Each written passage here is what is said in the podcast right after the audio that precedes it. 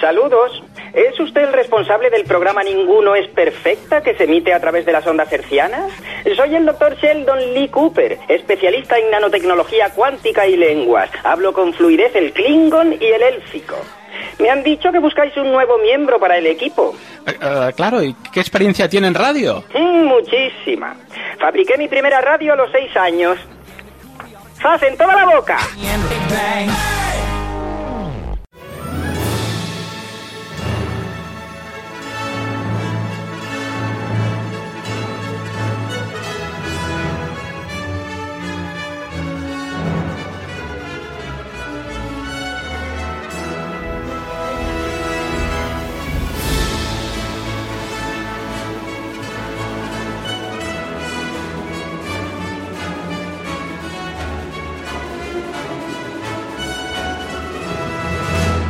Benvinguts al Ningú no és perfecte. El gènere de cases encantades és un dels més prolífics del terror. Moltes vegades predomina el gòtic, però la primera temporada d'American Horror Story va demostrar que es podien fer coses noves i modernes. James Wan, a Insidious, va portar el gènere més enllà i els protagonistes feien allò que seria més normal, que seria mudar-se abans que la cosa vagi a més. Moltes de les pel·lícules amb històries de cases amb fantasmes atrapats a dins estan basades en novel·les clàssiques. Mike Flanagan va adaptar una de les novel·les de Shirley Jackson i la va millorar convertint-se en The Haunting of Hill House, una sèrie de 10 episodis absolutament terrorífics, narrada des de diferents punts de vista i també en diferents moments en el temps. L'èxit de la proposta va portar a Netflix a convertir aquella temporada única en una sèrie d'antologia de cases encantades. Però els compromisos de Flanagan no li permetrien mantenir el mateix nivell d'implicació. El relat escollit per continuar va ser The Turn of the Screw, de Henry James, que per primera vegada en la història de terror es passava de rosca i introduïa nens. The Haunting of Bly Manor ha estat la sèrie que n'ha resultat d'aquesta adaptació que comparteix amb Hill House gran part del repartiment, que no dels personatges, i la narrativa, que no pas el to, que és completament diferent. Mentre que Hill House volia atemorir-nos i fer-nos molta por, Bly Manor no fa por en la majoria dels casos, intenta portar el classicisme de la novel·la als temps contemporanis, tot i que la major part de l'acció es concentra en els anys 80. Veurem si ha convençut o no els que avui en parlarem. Ja us avisem que tenim una mica de tot. Com sempre, en els monogràfics ho farem amb spoilers. Ens acompanyaran la Marta Sanz i en Francesc Morales. Tancarem amb una ressenya per treure'ns l'atenció del damunt i posarem humor i amb en Jacint Casademont farem la ressenya de Bill and Ted Face the Music, Bill i Ted salven l'universo, la tercera entrega d'aquesta saga protagonitzada per Keanu Reeves i Alex Winter. Qui us parla en la direcció i presentació del Ningú no és perfecte, l'Ignasi Herbat. Abans d'entrar en matèria, recordeu que podeu fer-vos mecenes nostres a Patreon a través de la web ningunoesperfecte.cat o patreon.com barra ningunoesperfecte.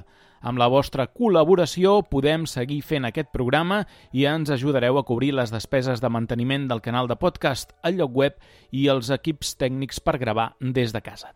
A canvi, sigui quin sigui el grau de col·laboració, només a Patreon, en lloc més, us oferim contingut exclusiu com videoclubers, amb programes dedicats a Pulp Fiction, als Goonies i Gremlins, però Videoclubers no és l'única recompensa. També oferim una versió en alta qualitat de so del programa i edicions especials recopilatòries. Recordar-vos també el nostre podcast. Ens trobareu principalment a iVox, però també ens podreu escoltar a Apple Podcast, Spotify, Google Podcast i Pocket Cast. Més senzill ho teniu si aneu directament a la nostra pàgina web ningunoesperfecte.cat. Allí trobareu el podcast, el blog i els enllaços directes als diferents canals. Si ens voleu explicar qualsevol cosa, la millor manera és pel nostre correu electrònic ningunoes arroba outlook.com. A les xarxes socials estem a facebook.com barra ningú no és perfecte, twitter.com barra ningú no és i instagram.com barra ningú no és perfecte guió baix podcast. Mirem a l'aigua a veure si tenim alguna aparició i comencem.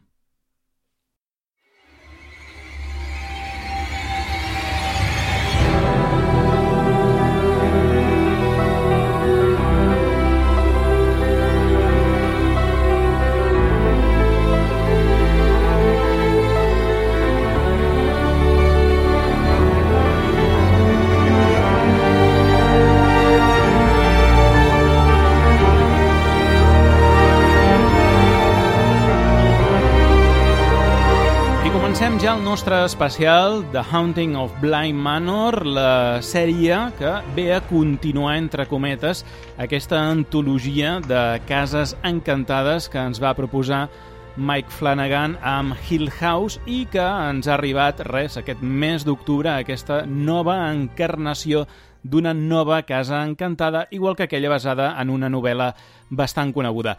Per fer-ho tenim avui en Francesc Morales. Què tal, Francesc, com estàs? Hola, bones, bon any. Bon any. I també tenim a la Marta Sanz. Marta, què tal?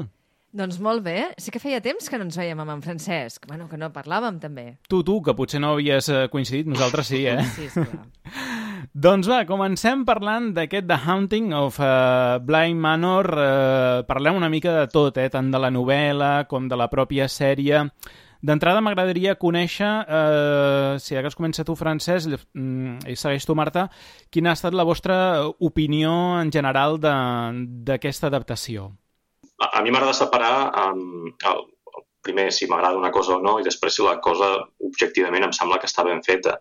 Uh, en aquest cas coincideixo amb The Haunting of Black Manor, que un, no m'ha agradat i dos, no em sembla una sèrie ben feta. Crec que és una sèrie que l'han feta perquè ja van fer The Haunting of Hill House i van reproduir la, la fórmula en una altra casa encantada, però a partir de, de no sé, de la meitat de la sèrie eh, sembla un projecte que l'han de fer perquè l'han de fer, s'ha d'acabar perquè s'ha d'acabar i cada episodi ha de durar 40-50 minuts i han, han d'estirar cada episodi aquests 40-50 minuts perquè, perquè encaixi i llavors el, es fa un paquet, es ven i ja està, i se n'oblida. És, és com veig la sèrie.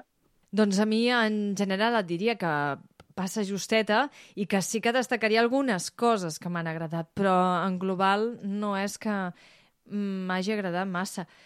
No sé si és que la comparo amb, amb Hill House i a, aquella sí que em va posar més els pèls de punta i em va agradar tots els temes que paral·lelament s'explicaven a banda del, del terror, no? Era una mena, un altre terror. És cert que aquest ve d'un terror gòtic, però és com que em, em, em grinyola de moltes parts. Jo vindré a defensar-la, ja ho dic ara. Eh? Home, més que res per està contra... bé, està bé, eh? contraposar-vos una mica. Um, a mi, a veure, no m'ha desagradat. És a dir, sí, és una sèrie que m'ha agradat, que trobo que està per sobre de la mitjana de moltes de les coses que s'estrenen i veiem, però sí que és cert que està per sota de, de l'anterior.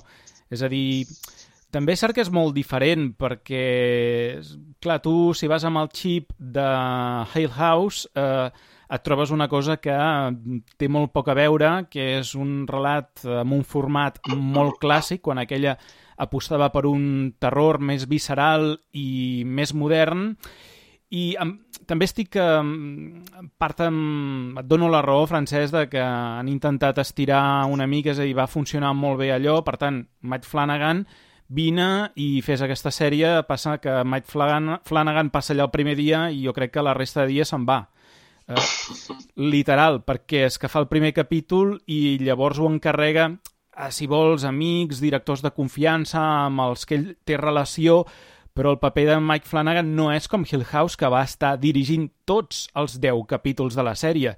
Aquí només està dirigint el primer i ho encarrega a d'altres i els guions tampoc no són sempre... Cada capítol és escrit per algú diferent. És a dir, és com Netflix et dona la pasta per fer això i tu m'ho fas però Flanagan no té temps eh, de dedicar-s'hi perquè està fent moltes altres coses. De fet, no sé si estava... Um, suposo que ja havia acabat, però durant la preparació sí que estava fent Doctor Sueño, perquè bé veiem algunes escenes de Victoria Pedretti passejant-se també hem vist per el set de, de Doctor Sleep, no? Per tant, clar, Mike Flanagan és un tipus molt ocupat que està ficat amb uns quants projectes cinematogràfics i no li ha pogut dedicar el mateix temps en això que no pas a l'anterior i és aquestes coses que moltes vegades fa Netflix, no? És a dir, que poso la pasta, eh, fes-me això i no li pots donar segurament el, el mateix nivell de, de qualitat. Però no obstant això, i és una sèrie que li he trobat moltes coses positives i que vist en la seva globalitat sí que és veritat que cada capítol és que va presentant molts misteris que moltes vegades no saps d'on baixa, però com, quan has vist el final i tot et lliga, per mi l'obra guanya que no pas la sèrie vista capítol a capítol. Però si voleu, d'això en parlem una mica més endavant. Um, Francesc, ens volies uh, comentar diferents temes. A veure, per on comencem?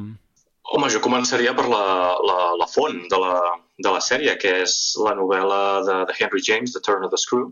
De fet, quan, quan, quan es promociona la, la sèrie uh, i de la, de la manera que es ven, es ven com una versió d'aquesta novel·la, de la mateixa manera que The Hunting of Hill House era una versió o es basava en la novel·la de Shirley Jackson del mateix títol. El que passa que no és del tot cert en el cas de, de The Hunting of Bly Manor. Es basa, sí, en The Turn of the Screw, però en altres històries de fantasmes d'aquest autor americà que, que passa bona part de la seva vida ara en Bretanya, de fet mor, mor com a ciutadà britànic, uh, Henry James, Um, per això hi ha moltes d'aquestes històries, com, com has esmentat, que, que te les van posant així com, com píldores i no s'acaben d'explicar ben bé del tot o apareixen en episodis intercalats, perquè aquestes històries són altres històries que no apareixen a The Turn of the Screw de Henry James. Per exemple, el passat de la, uh, de la, de la protagonista, amb Dani, aquest... no? Uh, Dani, exacte. Uh, no té nom a la a Turn of the Screw. Té aquesta mena de passat que la persegueix, que és aquest uh, promès que mor en un accident. Això és una altra història de, de, de Henry James. Uh, uh, tenim un doppelganger, una història d'un doble amb el personatge de, de Uncle Henry. Això és una altra història de, de Henry James. Es podria haver fet d'una altra manera? Sí. Mm, en part, uh, perquè The Turn of the Screw és una història bastant poc cinematogràfica, és molt uh, introspectiva. El narrador és uh, la, la governess, la, el, la Dani de la versió original, i tot ho veiem a partir del seu punt de vista, fins al punt que no podem assegurar que les històries que apareixen de fantasmes realment uh, siguin fantasmes o potser s'ho està inventant ella. I és una història que, que es pot explicar en, en 5 minuts i que no donaria per fer la sèrie. Per això s'agafen altres materials de, de, de Henry James. El que passa que estan ficats en calçador. En alguns casos és un episodi sencer, que crec que és el, el penúltim, um, que és uh, aquesta història d'unes peces de roba que no es poden fer servir, una història del segle XVII i que serveixen per introduir el passat de, dramàtic de, de la casa. Això està ficat amb calçador de qualsevol manera. Val a dir que anem amb spoilers, eh? Perquè començarem... Bé, val a dir que ho has dit tard, perquè ja n'ha fet alguns, en Francesc. No, ja la introducció ja ho he dit, però ho torno a aclarir perquè... Sí, sí, sí. Val? Uh... Sí, jo, jo us he avisat moltes vegades que no hi crec en els spoilers, però Sí. vosaltres em, Sí, em seguiu convidant. Però, però hi ha, hi ha, hi ha Jo, una... jo et diré una cosa, Francesc, jo tampoc. Hi ha I, masses de gent I cada que... dia menys, però tenim oients susceptibles. Sí. I ho dic per això, perquè hi ha gent que sí que ho creu que s'hi agafa molt en sèrio. Jo una mica, uh, un dia, si voleu, en parlem del tema spoilers, però és que, és que si no, no podríem parlar de res. És que, és que al final arribaríem a un Exacte. punt que... I aquí hem de parlar d'altres novel·les de Henry James, hem de mm, parlar doncs, de com acaben aquests personatges en altres novel·les de Henry James, i si voleu hem de fer spoilers de novel·les escrites fa més de 150 anys. Doncs... Exacte. eh, A veure, si voleu un spoiler, eh, els dos nens, el nen, en, en Miles mor a la novel·la original. Què me de... dius? Ostres! Sí. sí, sí, sí. O sigui, la novel·la acaba que eh, en una mena de, de peach fever, no? de, tot, tot es torna molt boig, eh, està convençuda que, que Peter Quint i Miss Jessel volen posseir els nens, eh, convenç a la, a la Hannah Groves de la, de la versió original, que és una senyora gran a la, a la, a la sèrie La fan més jove, eh, convenç que s'emporti a Flora a Londres i ella es queda sola amb el, amb el nen i ella confronta eh, el nen amb l'esperit, suposat esperit de Peter Quint, fins que arriba un moment que el nen comença a insultar-la de tot eh, i hi ha com una mena d'exorcisme estrany que tampoc està molt ben descrit perquè tot ho veiem a, a través de, dels ulls de la, de la, de la, de la nani eh, i el nen es mor i s'acaba. Aquest és el final de la... En canvi, a la sèrie tenim aquest final de Mary Poppins, no? de eh, gràcies, Dani, gràcies a tu he descobert que la feina no és el més important a la vida. Però a mi m'ha agradat el final, eh? Jo trobo que... I, i a mi m'ha lligat bastant de la història i que potser també és... Eh, t'està parlant a l'espectador quan està explicant la història, no? que això sí que hi és a la novel·la, no? també és una història narrada, és una narració, una explicació que fa algú. No sé si també és la mateixa jardinera eh, com veiem aquí a la sèrie, no? personatge de la jardinera que està enamorada de Dani, no? que hi ha aquesta eh, relació entre els dos personatges, no sé si això és exactament així, perquè també ens agafa una mica descol·locats que al final eh, estigui en el casament de Flora, és a dir, aquesta núvia en la qual li està explicant el relat és la nena de, de, tota, de tota la història. I et volia sí. afegir també si realment la novel·la és bastant fidel al que veiem a la sèrie. La, la novel·la comença amb, amb una reunió de gent que, que està compartint històries de fantasmes o històries d'algun tipus, sobretot de fantasmes, uh, que és el mateix que passa a la sèrie. El que passa que la sèrie és un casament, una cosa així, de l'any 2007. I llavors és quan introdueixen el, el mateix que diuen a la sèrie. Diuen, uh, però ara tindrà un, un cop de rosca, no? un, un turn of the screw, perquè és una història de fantasmes amb nens. Uh, a, la, a la novel·la original diu no només hi ha un nen, sinó dos nens. això la fa més, més tenebrosa encara, no? I, i a partir d'aquí ja se'n va. Però això és habitual a la literatura de, pràcticament anterior al segle XX, que, que es creï la ficció de que hi ha uns personatges explicant aquella història. Perquè al cap i a la fi, la major part de la literatura, fins, fins al segle XX, és literatura narrada. I sempre hi ha aquest element eh, explicatiu Uh, per això moltes vegades hi ha signes d'exclamació en, en narracions, uh, la part de la narració, perquè se suposa que hi ha algú que està narrant. No, no, no tu ho estàs llegint en veu, en veu baixa cap a tu mateix, no? hi ha algú que està narrant cap, a, cap als altres. Si, si llegiu The Vampire de, de Polidori, que és una novel·la de vampirs abans de la de Bram Stoker, acaba amb, amb, aquesta frase, no? perquè ell és un vampir, amb, amb tres signes d'exclamació, uh, perquè és el moment que estàs espantant a la, a la gent que t'està escoltant. Mm. Això és igual. El que passa que no acaba uh, tornant a, a, la persona, a les persones que estan explicant la narració, perquè aquestes alçades ja no te'n recordes. Quan has llegit 24 capítols, que és el que dura uh, la novel·la, o has vist 9 episodis, que és el que dura la sèrie, tu ja no te'n recordes de, de qui està narrant què. Això em va semblar una mica mal fet. Sí, perquè és veritat que la, la narradora físicament crec que la veiem al primer i a l'últim capítol, tot i, I que sí que la veu és uh, present en tots. Sí, sí. La Carla Giugino. Sí, que, sí, sí. Que ho fa molt bé. A mi, quan a l'últim episodi, jo crec que la, la, la sèrie podia haver estat això. És a dir, una narració amb molt burgesa, per cert, no? Passar les vetllades amb la llar de foc, amb aquelles entapissats, amb aquells sofàs... Era com molt anacrònic.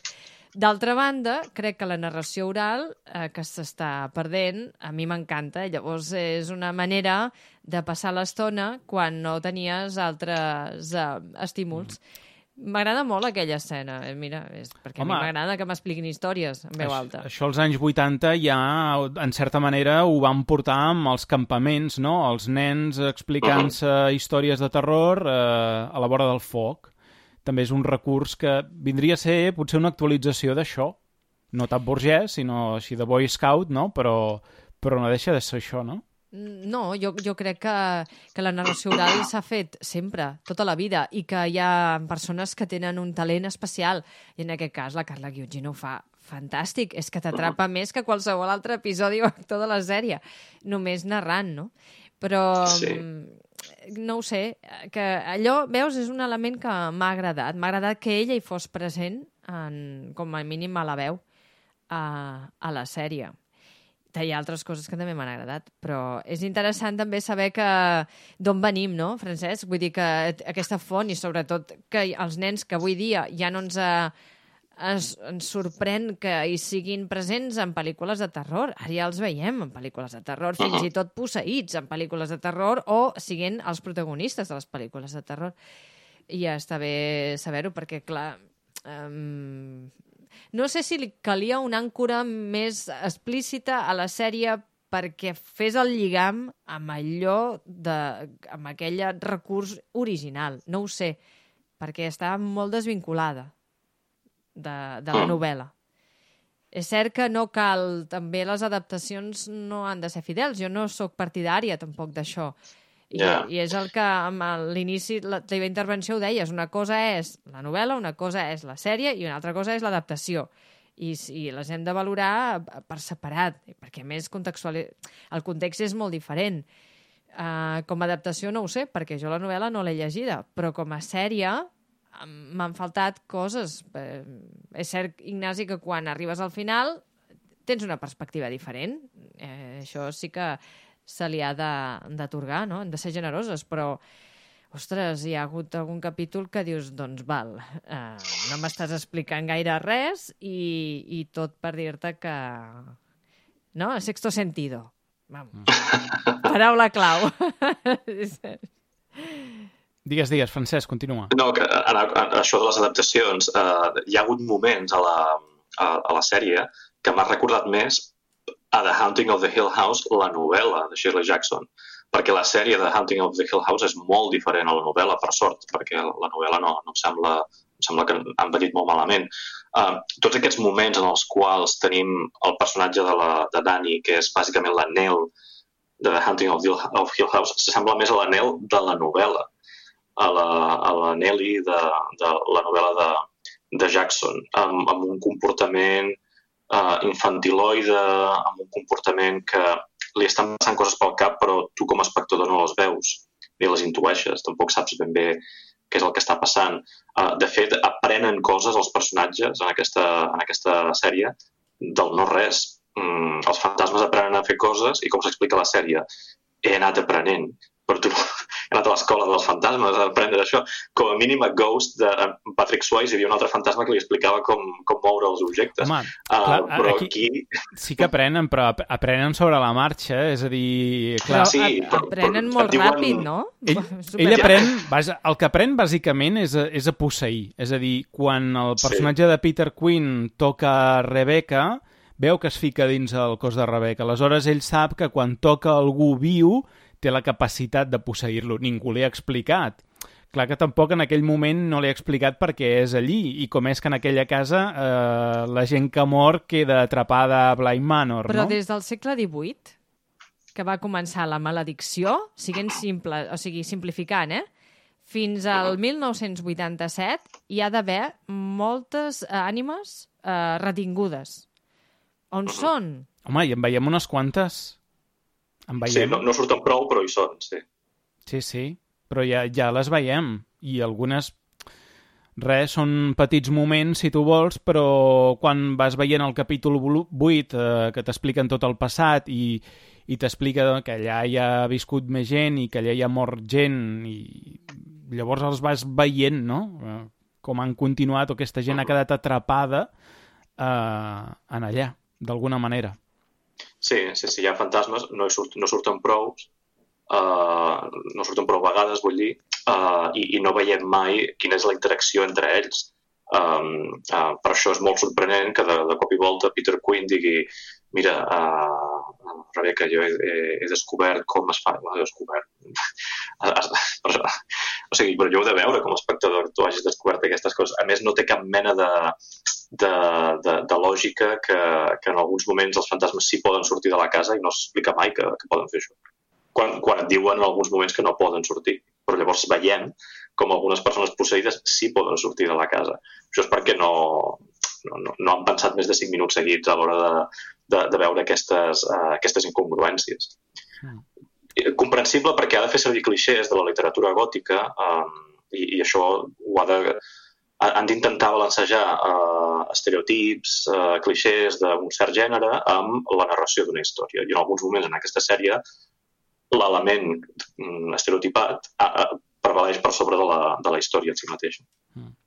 Bé, continuant amb Henry James, no sé si teníem alguna cosa més a dir de, de la seva figura com a escriptor. Eh, sí, el, el, les novel·les llargues que té, com el, el retrat d'una dama, um, són, són novel·les que, que toquen el tema de relacions de parelles entre, entre americans i anglesos, uh, que era, de fet, el, el propi cas de, uh, de James. Uh, per això em va semblar interessant que la sèrie toqués això, no? que una, una noia americana que viatja a Anglaterra s'acaba enamorant d'una noia una noia anglesa. De fet, fan servir actors uh, americans amb accents britànics bastant falsos. El, el, el tema de, el, la narradora és, mm, i, i el Lord Henry, que era la, el noi aquell d'ET, um, que no recordo el nom de, de l'actor. Henry El- Thomas. El, vale, d'acord.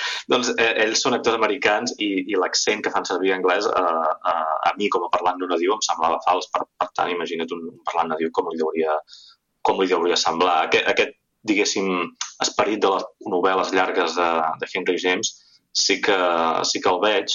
A vegades es fan servir eh, elements a, a la babalà, per exemple, de, de Beast in the Jungle, que és un, el títol del darrer episodi, és el títol d'una història breu, no de fantasmes, de, de, de Henry James. El personatge del cuiner, Owen.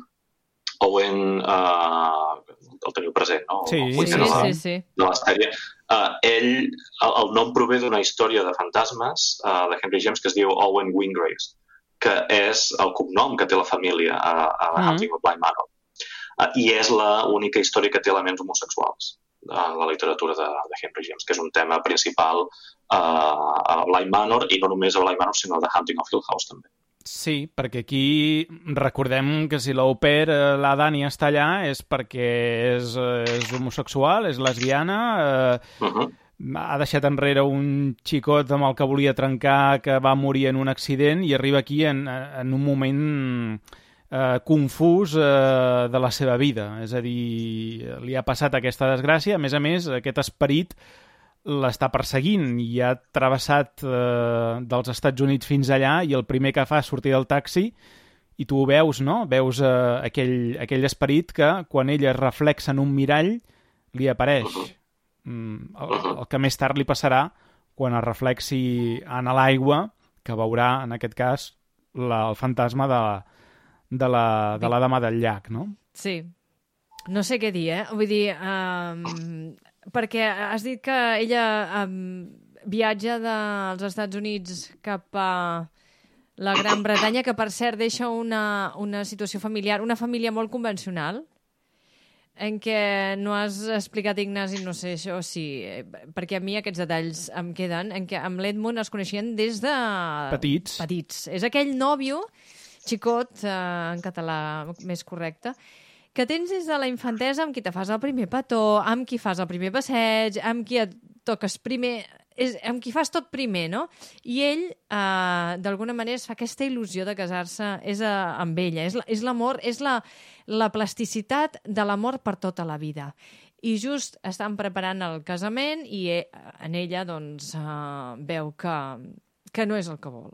I li expliquen al cotxe, ell s'enfada, que no l'hem vist fins ara amb cap estirabot, en, en ell. Eh, bueno, només és un capítol, no?, que ens, el, ens sí, el expliquen la història. quart. El capítol quart, sort que ens ho fan aviat, perquè, en fi... Home, mitja sèrie, eh? Tampoc Bueno, diria sí, jo que és no, tan aviat, no, no és tan perquè... aviat. Això ho podien haver vendit en 5 minuts Clar, en un capítol. tu estàs veient des del primer capítol que com... hi ha un fantasma, sí, eh? hi ha un I que, fantasma... I que posa teles als miralls. Que dius, què et, què et passa? Clar, perquè no, li fa por, no el vol veure. A més, l'està mirant amb aquelles ulleres que la mare d'ell li ha entregat, no? que ella les porta, malgrat tot, Però a la no maleta veus- quan arriba. Tu no hi veus unes, unes ulleres. Jo pensava que tenia els ulls buits que reflectien llum. Bé, això també, el que passa que les ulleres és el que queda, és el símbol no? de- d'aquests ulls... Eh... Aquelles ulleres no, no sé ni com han sobreviscut, però això és un, al- és un altre tema. I ell s'enfada molt, no accepta la realitat i surt del cotxe, que en algun moment algú altre ho hem fet, enfadats, sense mirar, i passa un camió. I l'atzar, la mala sort, és que se l'emporta per endavant i mor a l'hospital. I, la, i, la, I passa allò que, que en algunes famílies estan tan aferrades que la sogra, la futura ex-sogra, és totes dues coses alhora, te ve a visitar i dius, mira, i a més ella no vol cap, eh, justament, no? No vol cap lligam ni cap record amb, amb cap membre de la família i per això suposo que agafa un avió. Entenc que agafa un avió, no? O agafa un vaixell, per fer-ho més romàntic. No es veu, ja ens la presenten allà directament. I arriba al, als, a, a Anglaterra, no? I té aquesta entrevista estranyíssima amb Henry, o Lord Henry, com, com li diem, i que hi ha, no sé si hi ha Peter... No, no, no, no, no, hi és, Peter, clar, no, clar, Peter és mort ja, aleshores. Sí, sí, sí. bueno, bueno, però escolta, en Peter algú el veu i d'altres no el veuen. Per Clar, tant, ella quan està a la mansió i veu a Peter... Eh, mm, clar, és l'única que l'ha vist en aquell moment. Hi ha un tio que m'està espiant, hi ha un tio aquí que està I viu... És, és i... més, truca la policia i la policia ve a la casa. Perquè Peter oficialment no és mort, està desaparegut. És a dir, ell allà se- sembla que va marxar amb els diners de Henry, el va robar, va desfalcar i va fotre el camp. I, O i la gent el té per un sí, sí. fugitiu. No és dolent perquè hagi ha tingut una relació possessiva, quasi de maltractament cap a la mm, Rebeca, sinó que és dolent perquè ha desfalcat el Ma, senyor. perdona, el maltractament, l'acaba matant. És a dir, est est estem... És, és, un, és un assassí de dones i Clar, ja està. perquè Re- Rebeca, diguéssim que és la òpera anterior, eh, se suposa que es va suïcidar, eh, es va ficar en el llac i es va suïcidar afogada. Llavors sabem que va ser Peter que la va posseir i la va matar perquè ella pogués estar morta i poguessin estar junts morts, per entendre'ns, no? Aleshores, clar, ella s'emprenya, com, com tu diràs, normal, no? Que- Si et passa una cosa així és que t'acabis emprenyant. Bé, jo només... És, és aquest amor romàntic no, que parlàveu gòtic, no? també francès, eh, dius, el, Fals. el, el nòvio de tota la vida o el nòvio que està que torna a la mort i que vol continuar amb ella tot i estar mort. En aquest cas és un altre pas més enllà, que és aquest Peter Quinn, que ell està mort i el que fa és matar-la amb ella perquè puguin estar junts, que, que és ja, Mhm. no me l'enduc amb mi el més aviat possible. Però a més és Sí. que la, la contrapart, Francesc, no sé com ho veus, però el personatge femení de la Rebeca, parlo ara, eh, Mhm. és, se suposa que és una persona superintel·ligent. És una persona independent i autònoma. És advocada, no?, de és, fet. és està estudiant advocacia i vol anar a fer la passantia amb algun gran bufet d'advocats i per això vol fer de nani o de nurse o d'au pair dels fills d'en Henry per acabar treballant en, com a advocada en aquest, per aquest Amb en home. Henry, sí. Amb en Henry, val?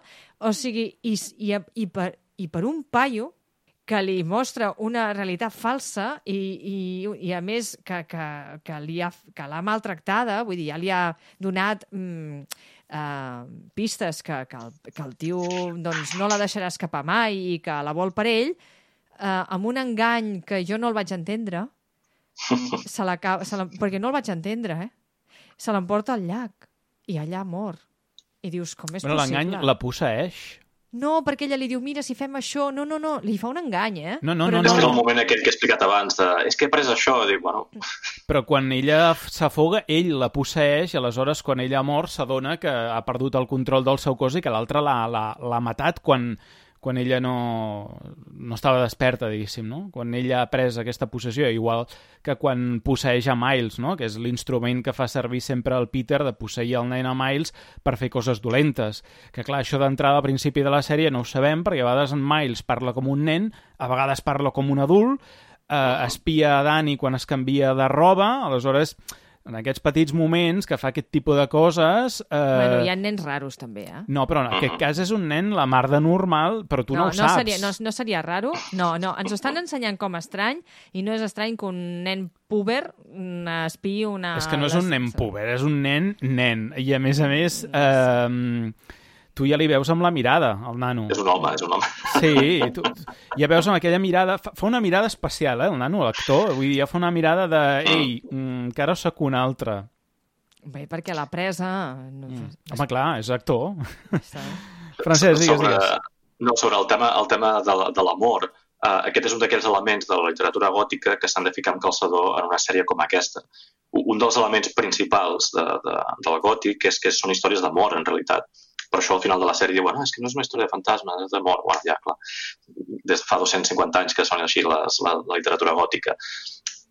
Com a històries d'amor, el que t'expliquen és, un, és que l'home posseix la dona i no, uh, i, i no, no es vol uh, alliberar d'aquest vincle. Les primeres obres de literatura vampírica, molt abans de, de Bram Stoker, per exemple, el, el poema Lenore, del, del segle XVIII, és, és, uh, és bàsicament un stalker, no? és, és un tio que, que està espiant a la, a la noia i, i és tan professional a l'hora d'espiar-la que es mor i continua espiant-la, no? Però això, la idea del vampir que està mm, volant al costat de la finestra i tu l'has de convidar perquè entri, uh, perquè és el tio que t'està espiant.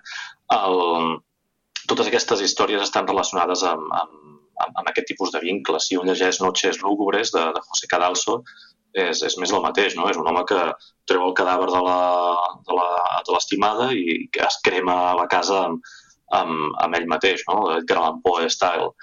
Um, doncs aquí tenim el mateix. Sir Edmund, um, Sir, Edmund com era, Orm, uh, és, la, és una història de Henry James on un home vol mm, seduir una, una, una noia i veu que té un noi sempre a, a, a prop d'ella, no? Llavors descobreixes que és un fantasma, que és el que fan servir en aquesta sèrie. És un d'aquests elements que tu l'has de fer servir si el que vols vendre és una obra gòtica. El que passa que passat el temps, hi ha coses que no t'encaixen. Per exemple, Rebecca Miss Jessel, si és tan intel·ligent, com és que cau en aquestes trampes? Bueno, perquè està seguint eh, el, el director de l'episodi està fent servir aquests clixés de literatura gòtica i els ha de ficar allà amb, amb calçador. I llavors violenta la, la lògica de la, de la sèrie, que és el que passa. Que és cert que no podem destriar, eh? eh jo eh, en la vida real no podem destriar una persona que sigui intel·ligent amb que caigui amb un maltractador. Això no, no, no va ni junt ni separat, o sigui, no té cap, cap relació. Però en aquesta sèrie, tal i com la conducta de la Miss Jessel, no me quadrava gens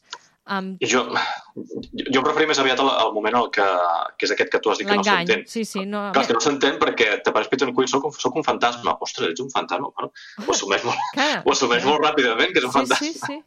Home, vull... és que si no, que estaríem un capítol per explicar-nos com... Clar, és que...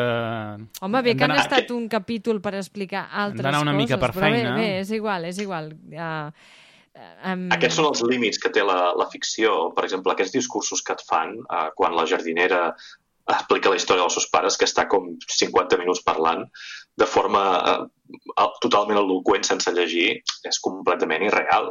També és irreal que algú estigui explicant una història durant 9 hores en un, en un, en un casament. No?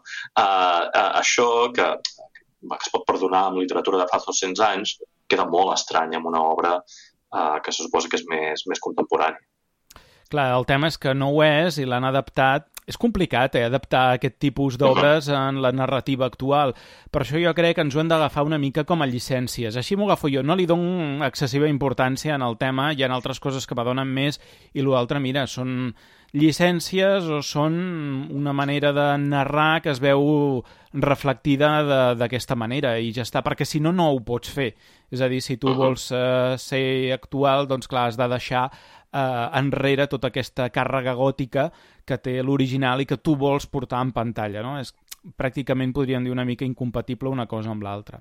Sobre Henry James, que comentaves abans, res, només volia esmentar algunes um, altres adaptacions que ha tingut al cinema destacables d'obres seves, que no ten... abans has mencionat uh, Retrat d'una dama, uh, uh -huh. que la va dirigir Jane, Jane Campion el 96, protagonitzada per uh, Nicole Kidman, però també hem tingut adaptacions de Les Bostonianes, Dallas de Colom, la pel·lícula del 97 que protagonitzava l'Helena Bonham Carter i La Copa Daurada, que hi ha una adaptació de l'any 2000 que va dirigir el James Ivory i està protagonitzada per Uma Thurman. Però de Turn of the Screw, que és l'obra en què es basa bàsicament uh, Bly Manor, hem tingut, no sé, francès, moltes, moltes adaptacions, tant en cinema com en televisió. No sé si ens en pots explicar algunes. Sí, la, uh, com 50 anys després de que, de que es publica la, la novel·la, el 1898, ja tenim versions teatrals, versions d'òperes, uh, com la de Benjamin Britten, um, i l'any 61, 1961, és quan tenim la, la pel·lícula que tothom associa amb The Turn of the Screw, tothom no sé, uh, tothom que coneix com a mínim la, la novel·la que és de Innocence, uh, que és aquesta pel·lícula britànica, és la clàssica pel·lícula britànica de terror ambientada en una casa, de la qual van fer una paròdia a Greenhouse, aquestes pel·lis de, de Quentin Tarantino i Robert Rodríguez. Van fer un tràiler paròdia uh, molt recomanable que es diu Tont, que és, és no facis certes coses, no? hi ha gent corrents per, per una casa encantada. Uh, I és una paròdia d'aquest tipus de pel·lícules com de Innocence The Innocence, de fet, és, um, és en el que en realitat es basa. The Hunting of Blind Manor no veu directament de, de, de, de Turn of the Screw. Veu uh, de forma mediatitzada The Innocence i una altra pel·lícula de l'any 71 que és uh, The Night Commerce, que és la que jo recomano. Realment és la que mm. uh, és la més potable, si, si se'm permet sí. uh, fer servir aquesta expressió. Aquí es va titular és... Los últimos juegos prohibidos. Los últimos juegos prohibidos, clar és que aquí eh, funciona com a preqüela de, de la història. Eh, veiem la història més mm, desenvolupada entre què és el que passa entre Peter Quint i Miss Jessel. Uh, Peter Quint està interpretat per Marlon Brando i en un paper molt semblant al de Tango a Medianoche, o com es digui la, la, la pel·lícula. Sí. Um, uh, ell practica sadomasoquisme amb Miss Jessel. Uh, és el que fan cada nit. Cada nit la va visitar, el títol és The Night Commerce, cada nit la va visitar i ella es deixa fer, però amb tot luxe de detalls tu veus com la va lligant, amb cordes al coll, etc etc i arriba un moment que els nens veuen tot això. I llavors, amb, amb un estil una mica el milagro de Petinto, els nens creuen que és així com es fa el sexe. I comencen a practicar-ho ells mateixos, també. Comença, Miles comença a lligar a Flora, Uh, Bé, això so... afortunadament no ho hem vist en aquesta adaptació de Netflix, eh? No, no, però hi ha moments de transvestisme a la sèrie que això es veu en altres versions fílmiques també, com a, a través de Sombra, que és una versió brasilera, o Presence of Mind, que, que és una pel·lícula hispano, hispano-britànica, hispano-americana, amb, amb Harvey Keitel, i Agustí Villaronga fent de Peter Quinn, però no es diu Peter Quinn, es diu Fosc, on, per cert, és una de les darreres pel·lícules de Lauren Bacall, uh, on fa de, de Hannah Gross, tot i que es diu Remei. A la, a la, a la versió del 19... És una pel·lícula de 1999, però sembla feta el 1889. Uh, és, és aquest tipus de, de, de, de pel·lícules. El director, no sé, és, és català, espanyol... No? Sí, Antonio Aloy, sí. Sí, no, no em sona de res es, més. Es va dir El Celo, aquesta pel·lícula aquí. El Celo, exacte. Per qui vulgui... Doncs, tot, tot, totes aquestes pel·lícules exploren molt més, eh, amb, amb més luxe de detall, el que en realitat li està passant als nens. Els nens estan descobrint eh, que, que és el, el cap i la fi del que va la història. És una història de repressió sexual. La, la nani, de fet, està enamorada del, del l'home que li encarrega. S'enamora uh, quan, quan té l'entrevista, que és aquesta... Per això l'entrevista sempre hi és a la, a, en totes les versions fílmiques, perquè és el moment en què ella ja està obsessionada amb els nens que els ha de protegir per quedar bé davant d'aquest uh, senyor que, que és un senyor que sempre va escollint nanis que, que són joves i guapes. Però, però aquí no, um, no està enamorada, ella. Clar, aquí el que fan és afegir a la història uh, lesbiana per esquivar la qüestió aquesta de, del, de l'enamorament amb l'Uncle Henry, que no és una cosa uh, estranya perquè no és el primer cop que veiem una versió lesbiana de, de, de Hunting of Bly Manor o de Torno the Screw. Uh, ja ho tenim una pel·lícula espanyola que és Otra volta de tuerca de Eloy de la Iglesia on la, la, la, la nani és un home, és un home que acaba de sortir d'un convent um, i s'ha de cuidar els nens i un dels nens, el, en lloc de practicar sadomasoquisme o fer tonteries amb els companys de classe, el que fa és que és gay, practica l'homosexualitat de forma oberta a la pel·lícula i, i a més a més quan es confessa davant del cura, li diu al cura i el cura eh, es queda trasbalsat, és l'Espanya dels anys 70-80 um, i, i, i, i s'acaba creant una mena d'enamorament entre la, la nani i el nen, que de fet és el que passa en moltes de les versions. En moltes de les versions, de fet, uh, tenen petons bastant sensuals. En aquesta sèrie de, de, Mark Flan de Mike Flanagan toquen el tema. El que passa que diuen que està posseït per Peter Quinn, per fer-ho fàcil. Però moltes de les versions fílmiques uh, tenen mm, besos de tornillo, com es diu en castellà, uh, French kisses, uh, de forma bastant, bastant intensa. Bé, alguna cosa a dir sobre aquestes... Us, us, us he deixat trasbalsats amb el tema del, del sadomasoquisme i el Peter sí. Quinn. No, no, esclar, jo m'ho estava imaginant el mateix amb els protagonistes de, de, la, de la sèrie de Bly Manor i és que no, no, no, Home, jo no ja, veig, eh, no hi ha veig. una escena en aquesta, en aquesta Bly Manor de Netflix, situem-nos, en què en uh, Peter Quinn li ofereix un abric de pells de la mestressa, sí. de la senyora, uh -huh. que està morta. O sigui, està fent un delicte rere l'altre, un delicte moral uh -huh. rere l'altre, amb la sala que està tancada, prohibida, l'accés, uh -huh. que és el primer que diuen a la mm. Això em recorda la, la de Hill House, eh? també que hi havia aquella sala sí. que sí, estava... Sí, bueno, però, però només això perquè la no. resta no té res a veure. I, uh, I li ofereix un abric de pells, però per posar-se'l s'ha de despullar. Jo, uh, aquella escena, mm, tu pots imaginar molt més enllà del que fílmicament t'estan ensenyant, eh? Però això és molt anys 80, no? És a dir, els culebrots d'ales, eh, tot això dels anys 80, els abrics de pells que queien al terra de, de, de dones que anaven despullades en realitat i tu veies com queia l'abric de, de pell al terra i t'havies d'imaginar, no? Vull dir, no sé si és un homenatge als, a la narrativa dels 80, al tema de l'abric de pell, de fet, es portaven molt aleshores els abrics de pell. L'única diferència és que es fan una selfie amb una càmera d'aquestes uh, instantànies. És una Polaroid Una Polaroid, m'encanten. Uh, i clar, que, que és difícil. I més si estàs mort i llavors m'agrada molt quan es veu realment la imatge, no? És com maquillat i sense maquillar. amb, no? Seria amb, amb, amb, amb efectes d'Instagram o sense efectes d'Instagram, no? Uh, bé, jo aquella escena és uh, igual a eh, sexe entre gent morta. I...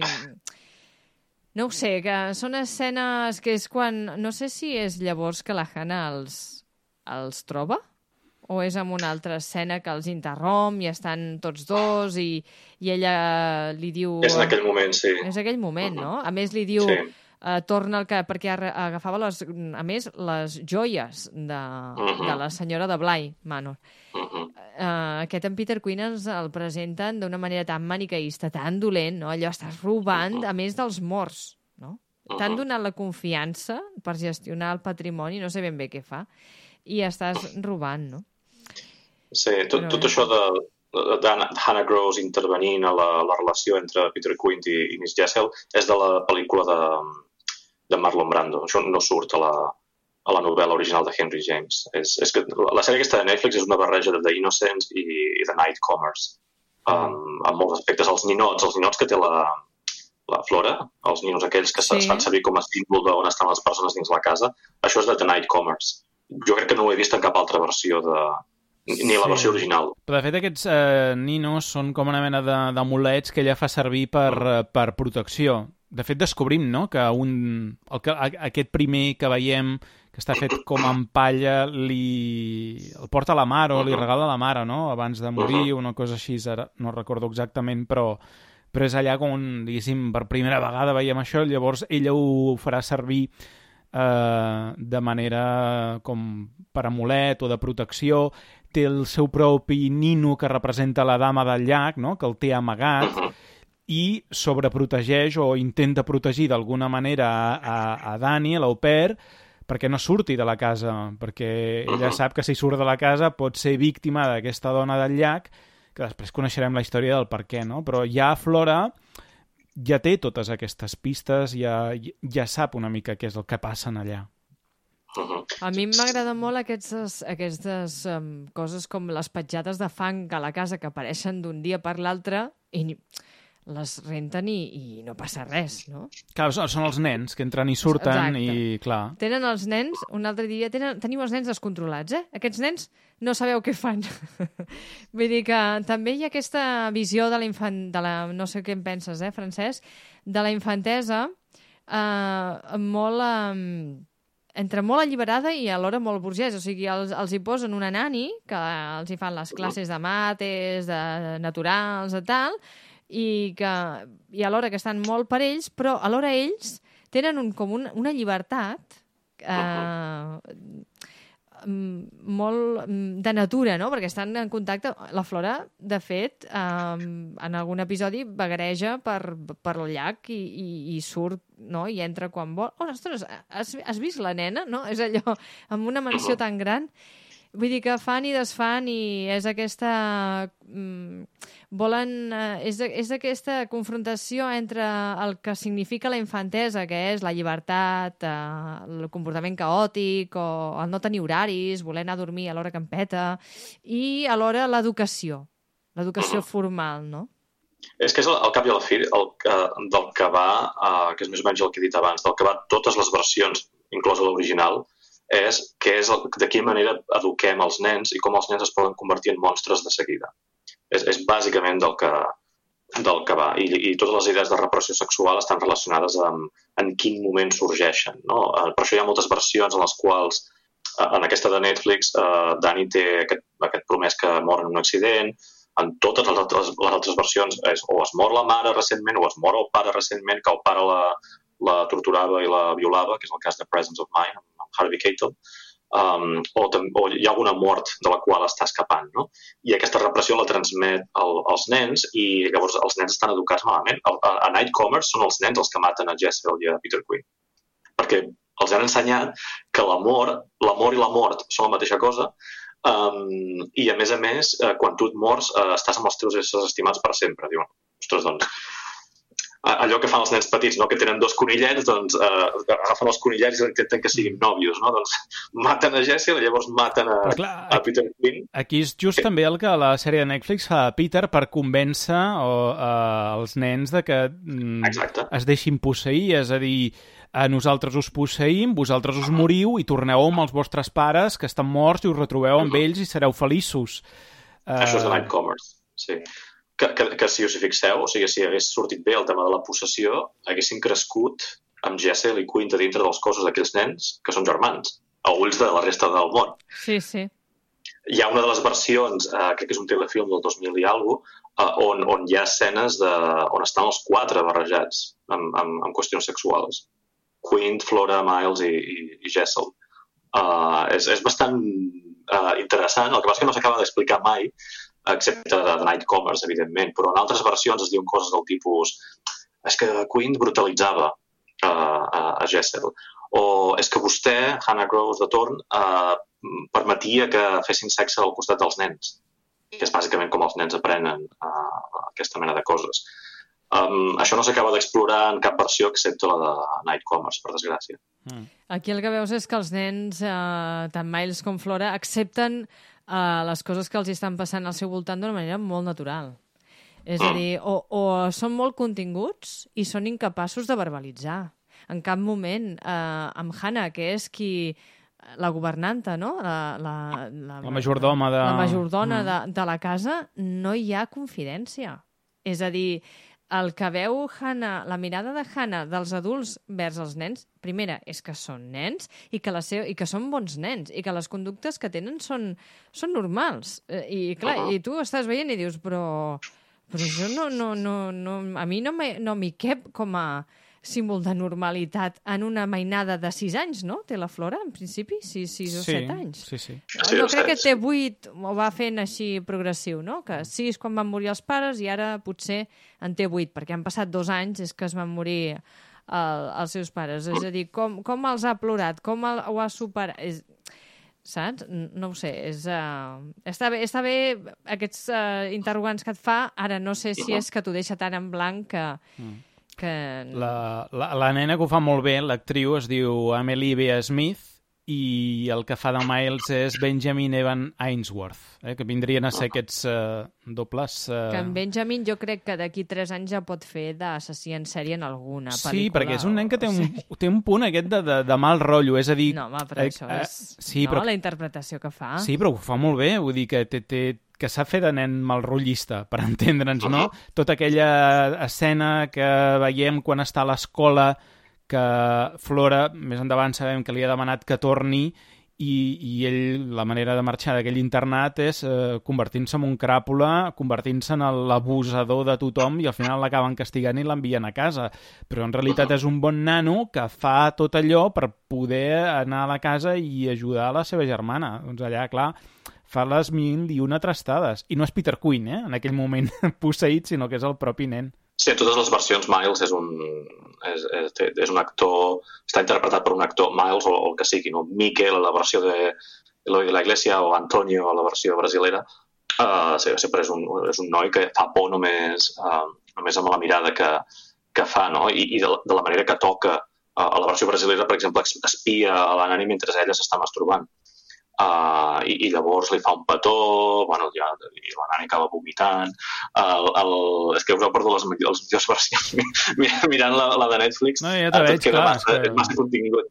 Um, doncs uh, això, el personatge de, de Miles sempre està interpretat per un actor uh, molt potent en aquest sentit de, de, de, fer, de fer angúnia.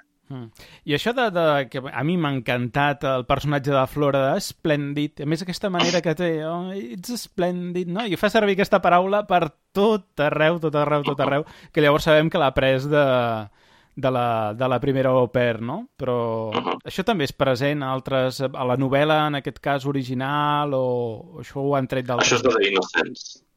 És de The Innocents. És, és que la novel·la original pràcticament no tenim interacció amb, amb de, de, de diàleg amb altres personatges. És, és la, la nani uh, fent-se uh, fent-se història del cap. Uh, és el naixement també de la psicologia, o sigui, el germà de Henry James era psicòleg, o és un dels primers, William James, uh, psicòlegs, i, i aplica això a la, seva, a la seva obra. Per tant, no tenim... De fet, la nani no té nom a, a, a Turn of the Screw, um, Miles i Flora sí que apareixen amb nom, però crec que uh, no, no, no existeix el, el personatge del cuiner, no existeix el personatge del, del, del, del jardiner o jardinera, que que apareix a la sèrie, uh, i la governanta no sé si té nom. uh, crec que es diu Gross, però ara mateix uh, estic, estic dubtant si, si existeix. I això és de The Innocents, això de, el, el comportament que té la, la noia és de, de Innocents. Mm. Bé, en aquest cas és uh, Hannah Gross, a la sèrie de Netflix. Per donar un parell de dades de producció, si us sembla bé, ràpidament, hem de dir que es va començar a rodar al setembre del 2019 a Vancouver, Canadà, eh, que ha simulat eh, ser en aquest cas eh, Anglaterra, concretament eh, on està ambientat, que és diferent a on està ambientada la novel·la, tot i que és eh, Gran Bretanya, tinc entès les dues versions, en aquest cas eh, estaríem a Hampshire, quan originalment era Essex, la novel·la. Uh, bé, en tot cas, uh, Anglaterra, que en aquest cas fent-se passar a uh, Vancouver. I um, també, per sort, com algunes de les produccions van acabar el rodatge just abans de, de la pandèmia, en aquest cas crec que va ser cap a finals de febrer, per la qual cosa també la postproducció l'han hagut de fer eh, des, de, des de casa. O sigui, per tant, mira, el 21 de febrer va ser on es va acabar i, al igual que també de Haunting of Hill House, ha estat una coproducció entre Netflix, Paramount i Amblin, curiosament també Amblin, que és aquesta productora de, de Steven Spielberg, no? la famosa Amblin. També això explicaria la presència també de Henry Thomas en, en tot el projecte, imagino, no? Perquè, bé, el logo d'Amblin és eh, Henry Thomas eh, en bicicleta a MT. Henry Thomas eh, eh, fa de vegades alguna interpretació que no l'acabo d'entendre, però no és cosa d'ell, és cosa del guió. I en aquell episodi que té el doppel, aquell doble, no?, és el doppelhanger, um, uh -huh. clar, no, no, no ho tens clar si allò prové de la maledicció de la casa, si és que ell veu massa i, i, i està veient mm. un altre jo, o, o és com el que ara que tu deies que, que ara me quadra, que és amb l'inici aquesta de la psicologia i de l'anàlisi, potser del jo, que és ben bé això. Però és... jo, jo ho he atribuït a la beguda, no sé si vosaltres també... Ostres, no ho havia relacionat tant. Uh, això és una altra història de Henry James que està ficada allà a, a, de Jolly Corner, uh, que és un, és un senyor que es planteja mm, si ha, ha, ha tingut eh, decisions encertades a la vida, llavors hi ha com una mena de desdoblament de com hauria estat la seva vida si, si hagués pres altres, altres decisions. És el que se'n diu doppelganger, um, que és un concepte eh, és un dels conceptes més antics per representar uh, allò sobrenatural.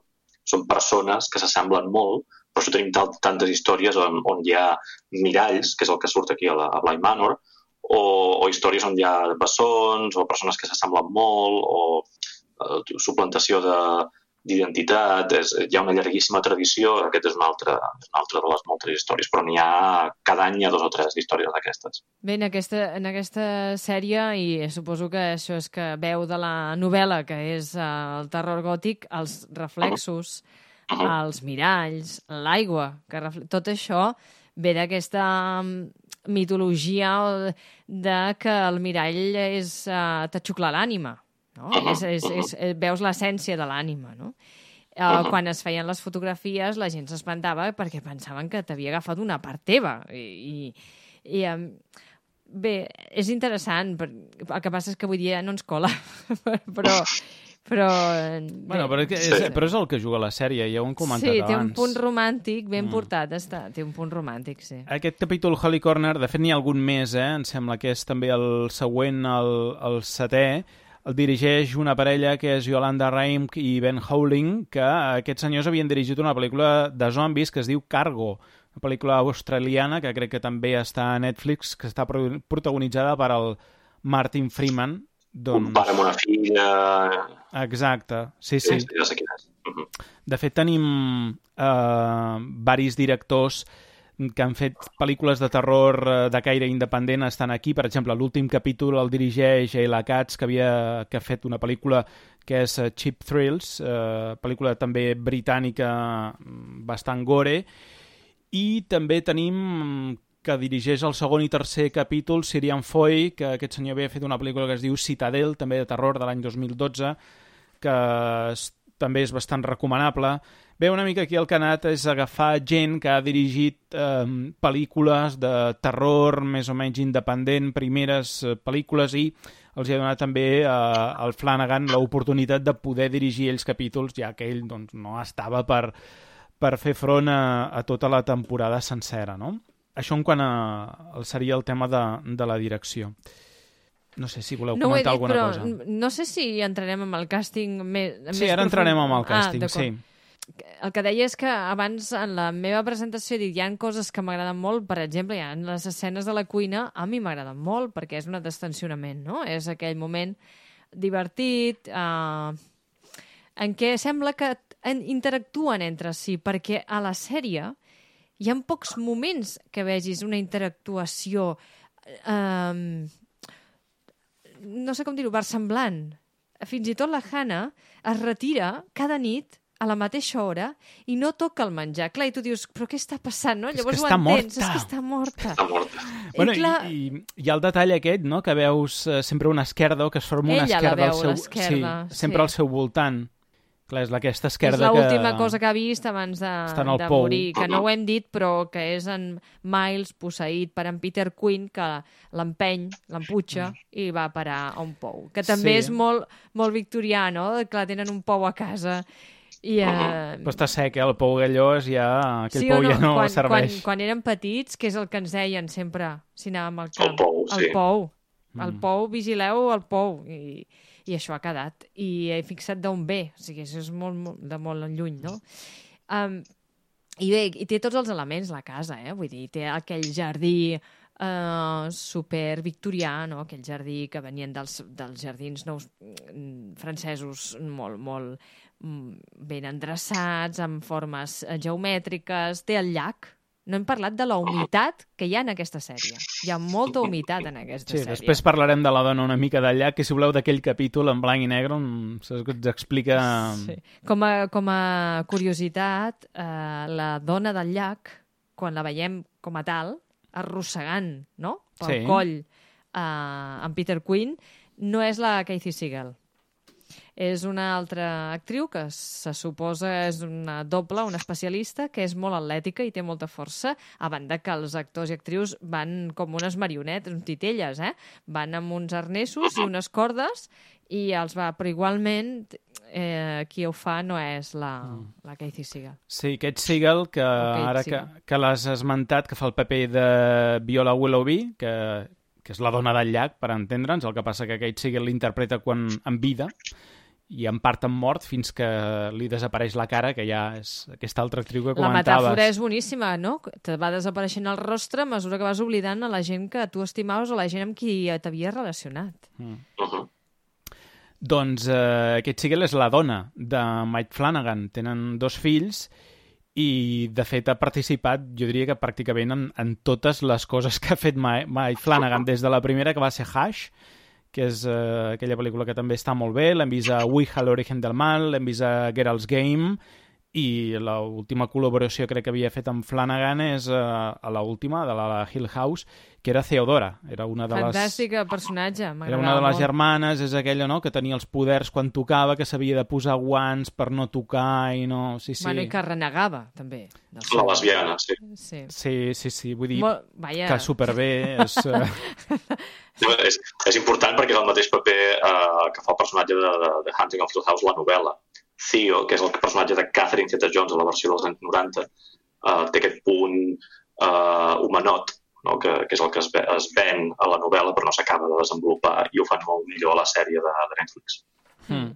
Sí, sí. M'agrada molt el seu personatge de Theo a, a Hill House. I, a- I aquí també ho fa molt bé, en aquell episodi que és, eh, no?, únicament allà posat enmig per explicar l'origen de la maledicció, se suposa, amb la Victoria Lloyd i, i com comença el segle XVII, uh, i tot plegat perquè mor el pare i es queden dues noies orfes i s'han de casar perquè si no, clar, la mansió no tira endavant. I eh, ella és una persona eh, super independent, amb unes idees molt progressistes per l'època, molt valenta i, i que es passa sis anys amb tuberculosi mentre va veient que la vida li passa per davant de l'habitació. Hi ha un moment aquell capítol de fredar, eh? perquè tothom al voltant d'elles amb mascaretes, amb aquestes mascaretes tan curioses que eren gairebé caretes, no?, de, de, de, de, de Venècia, no?, de, de carnestoltes. I, ostres, no sé, fa pensar, no?, també?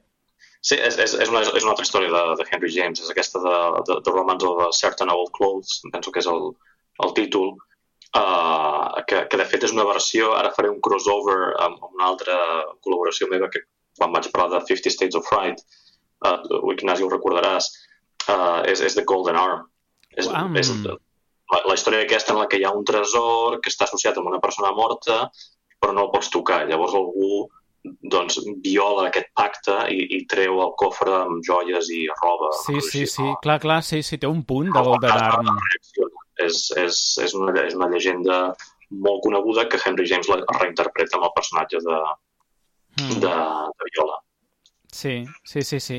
Clar, i aquí tenim doncs, aquest person... Clar, clar, tenim aquestes dues germanes, una malalta, l'altra enamorada del seu home i, i veu que la seva germana no mor, no mor, i diu, home, aquesta l'he de pelar perquè és que no es mor mai, tota està no malalta, és, no? No és només això, és que més Viola la, la, la tracta malament, a Perdita, la seva germana. Sí.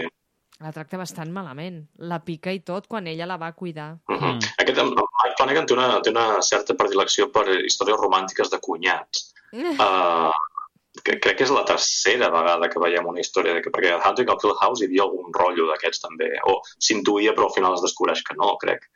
Uh, I a The Hunting of Bly Manor n'hi ha dues històries. de- Sí, hi han dues històries, sí, sí, clar, la del propi Henry...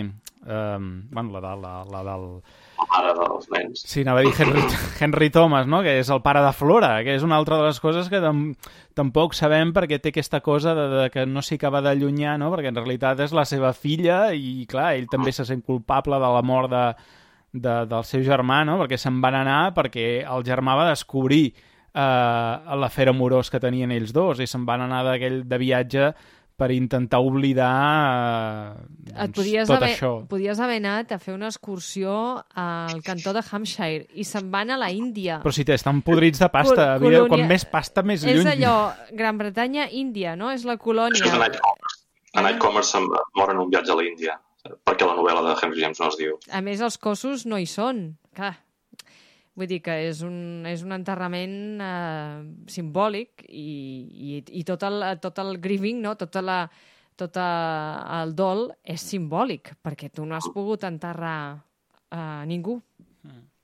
I aquí en aquest, bueno, el que acaba enterrat és el bagul aquest, no? Concretament el bagul on hi ha les robes d'aquest fantasma, d'aquest personatge que acabarà també, doncs, una escena molt potent, no? Quan, quan la germana obre el bagul per vendre perquè s'han quedat sense calés, surten aquelles mans i l'acaben estrangulant, no? Trobo que és un moment... De fet, a mi tot aquest capítol 8, mm, malgrat que és cert, això que dius, és una història que està posada allà de manera independent, gairebé sembla una pel·lícula en blanc i negre per ella sola, amb una narració en off gairebé tota l'estona de la Carla Gugino que, que t'ho va explicant, a més vas veient tu les imatges, a mi em sembla un capítol fantàstic, vull dir, molt ben interpretat. Sí que és una mica independent, de fet ho són una mica independent els últims capítols, perquè des de que, no sé si és el capítol 6, la dama del llac agafa pel coll eh, a Dani, veiem aquella escena en cada capítol fins a l'últim que ens acaben de, de, de narrar, és a dir, podria haver-se acabat el capítol 6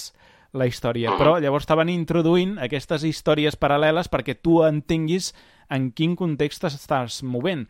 De fet, tota la temporada, si una de les coses té en comú amb Hill House, és que no és una narrativa continuada, sinó que eh, et van introduint diferents flashbacks cada vegada més eh, a mesura que t'acostes al final, fins al penúltim capítol, que tot és un flashback en blanc i negre. Bé, no sé si teniu alguna cosa a comentar al voltant d'aquest últim capítol. Penúltim, perdó. Que, que, que funciona molt bé com a capítol solt. Està, està molt bé, les interpretacions estan molt bé i la història s'aguanta per si mateixa. Mm, clar, correspon no, també a, a una història pròpia. Vull dir que aquí han adaptat aquest relat a banda i, i l'han enllaçat amb, amb la rerefons a, amb el que vindrà, no? No, no tinc res a dir, no tinc res a dir positiu, vull dir que, que el, el capítol està molt bé, Sí, sí, el capítol està... està molt bé, però, però està allà al mig del no-res. Això és una cosa que es veia molt a la literatura de, uh, fàcil, diguéssim, ràpida, uh, en el qual introdueixo històries dintre de les històries, que algunes d'elles s'han convertit en, en històries per si mateixes amb el temps, que el cas de Psique i Cupido, per exemple.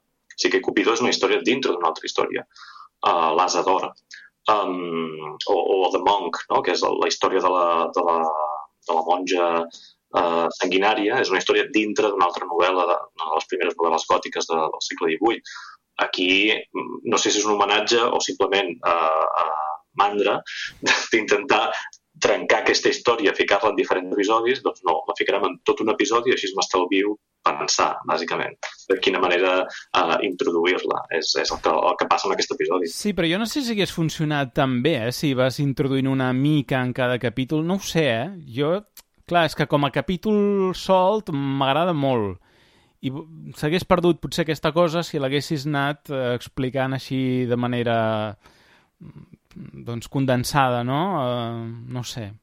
No, si fas una sèrie és el que has de fer. O sigui, per això ja fas una pel·lícula a part de la història aquesta de, de les robes. Mm. Uh, o, una, o una sèrie antològica o alguna cosa per l'estil, però aquí un episodi... És que tu, tu ara imagina't també la història que comença, que és algú que està explicant això en un casament què, què està fent? Està fent flashbacks dintre de, flashbacks dintre dels flashbacks uh, mentre està explicant bé, això abans que algú... Tu, tu ja vas, vas mm, tenim pistes, perquè, per exemple, um, tenim aquella escena a la capella, eh, uh, em sembla sí. que són els nens que estan, bé, lo típic, amb les pedres del terra, estan jugant amb papers estan i... calcant. Sí, estan calcant i ja veus el nom de Viola, no? Tu saps que allà hi ha enterrat, que, que no és allà, no està enterrada, però bé, et dona la sensació que allà hi ha la tomba de d'una persona que, que es diu eh, Viola, que en aquell moment no li dones més importància al tema, però més endavant sí que sabràs... Eh... Saps que és rellevant, però encara no.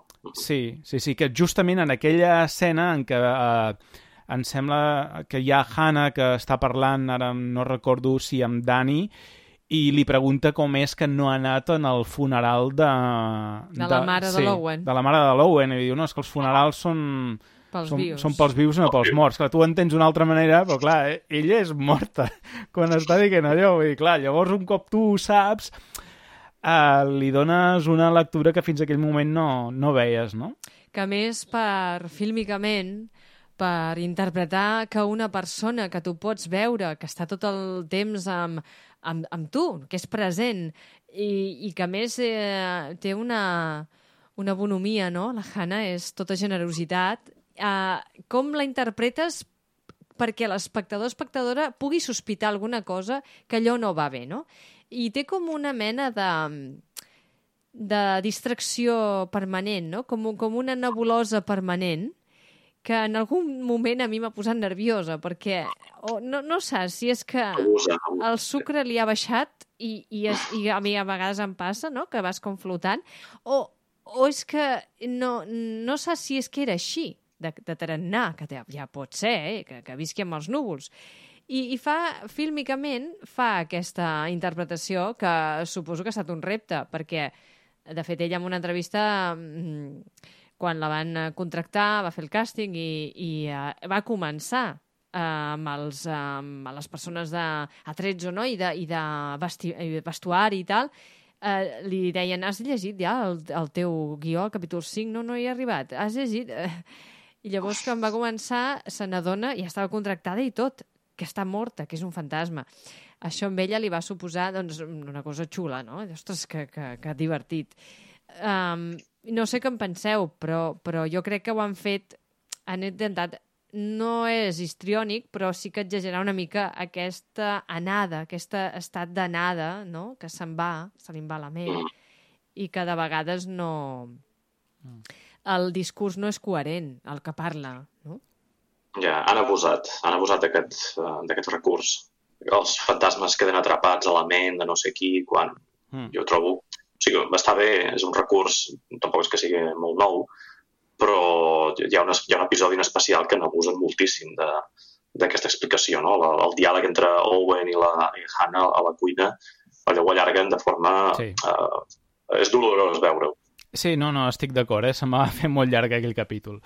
Bé, recordem el personatge que parlàvem del càsting. Uh, Hannah és uh, Nia Miller, actriu que hem vist, per exemple, a Years and Years, que feia el paper de Celeste, i a Sex Education també tenia un petit paper, em sembla que era la directora o era una de les responsables de d'educació de, de l'institut. És una actriu que estem veient eh, bastant, bastant sovint.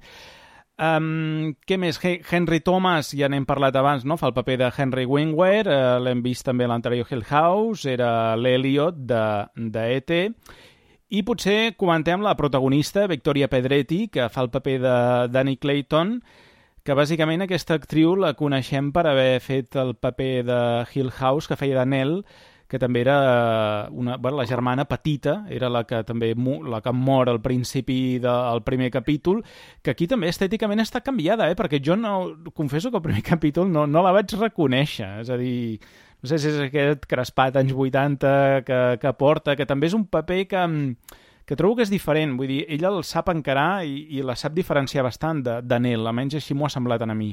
Sí, és, és, és més rossa, Uh, I com he dit, uh, com he dit abans, uh, és un personatge que s'assembla més al de la novel·la de The Hunting of Hill House, que no pas a la, a la sèrie, al paper que ell interpreta a la sèrie. A mi, de tota manera, m'ha agradat. Sí que en algun moment potser aquesta...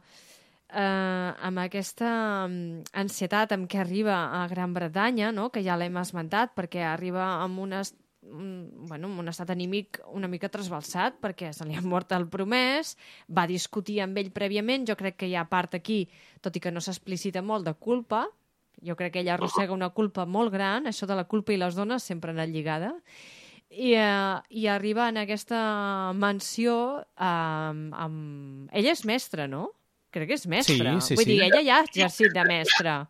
Ella diu que és mestre, però no, no, no sé si ho veiem, això. No ho hem vist mai, no ho hem vist mai. Llavors, eh, eh, jo crec que fuig de la, de la seva situació familiar i, i per intentar agafar-se una mica de distància amb el que ha passat amb aquest trauma i, eh, i sempre té aquest estat de d'ansietat, no? Perquè quan eh, continua veient el seu l'espectre o el fantasma de l'Edmund, el seu xicot mort, amb, amb un aspecte una mica tenebrós, amb aquells ulls brillants, que són les ulleres, el reflex dels focus del camió, diguéssim, i, i a més eh, se n'aparta dels nens per, per, perquè hiperventila, no? És aquell estat d'ansietat d'algú realment arriba en molta por a Bly Manor. O sigui, ella ja ve amb molta por. Uh, I fins, no és fins al quart capítol que no t'expliquen d'on ve aquesta por i aquesta culpa o aquests estats de d'ansietat, perquè tu la veus que va tapant miralls amb teles i robes o abrics i no entens uh, gaire res, o que s'amaga en l'armari de, de l'habitació. A l'armari o, o la tanquen, no? Perquè és el... No, no, ella hi ha un moment que s'amaga, s'hi amaga, no? Mm. S'hi amaga, agafa llocs... Sí, llavors hi ha aquests dos, la Flora i en Miles, que li fan aquesta gran cabronada, que és tancar-la... És en Miles, bàsicament, això. però per què ho fan, això? O sigui, no Perquè estan... l'estan protegint. Ja, ja, però... Eh, eh, és que l'estan protegint perquè la, la, la, el fantasma del llac està passejant-se en aquest moment, tal com indica el ninot, perquè el ninot ha canviat de posició. Quan el ninot està sota el, aquell moble, um, està en el llac. Hi ha un moment que apareix de cop i volta, no sé on, de la casa de nines, això vol dir que ja s'està passejant per la casa. És quan Ah, la tanquen. Sí. Apareix enmig de l'habitació, que la, que la Dani s'hi ensopega. És, és veritat. El, el, sí, sí, el diu, aquí, com volem dir, què fa això aquí si estava sota de, Mm. de la còmoda, no? Sí, sí, el que Perquè passa és que com a adult... en realitat haurien de ser, els nens. Són capaços de- d'enganyar adults eh, perquè no es trobin amb un fantasma. Això em sembla molt inverosímil. Mm, sí, perquè actuen amb molta pre previsió, no? Sí. I això és amb una mainada... Mm, fins als 21 anys diuen que no arriba, això. O sigui que la planificació no arriba fins als 21.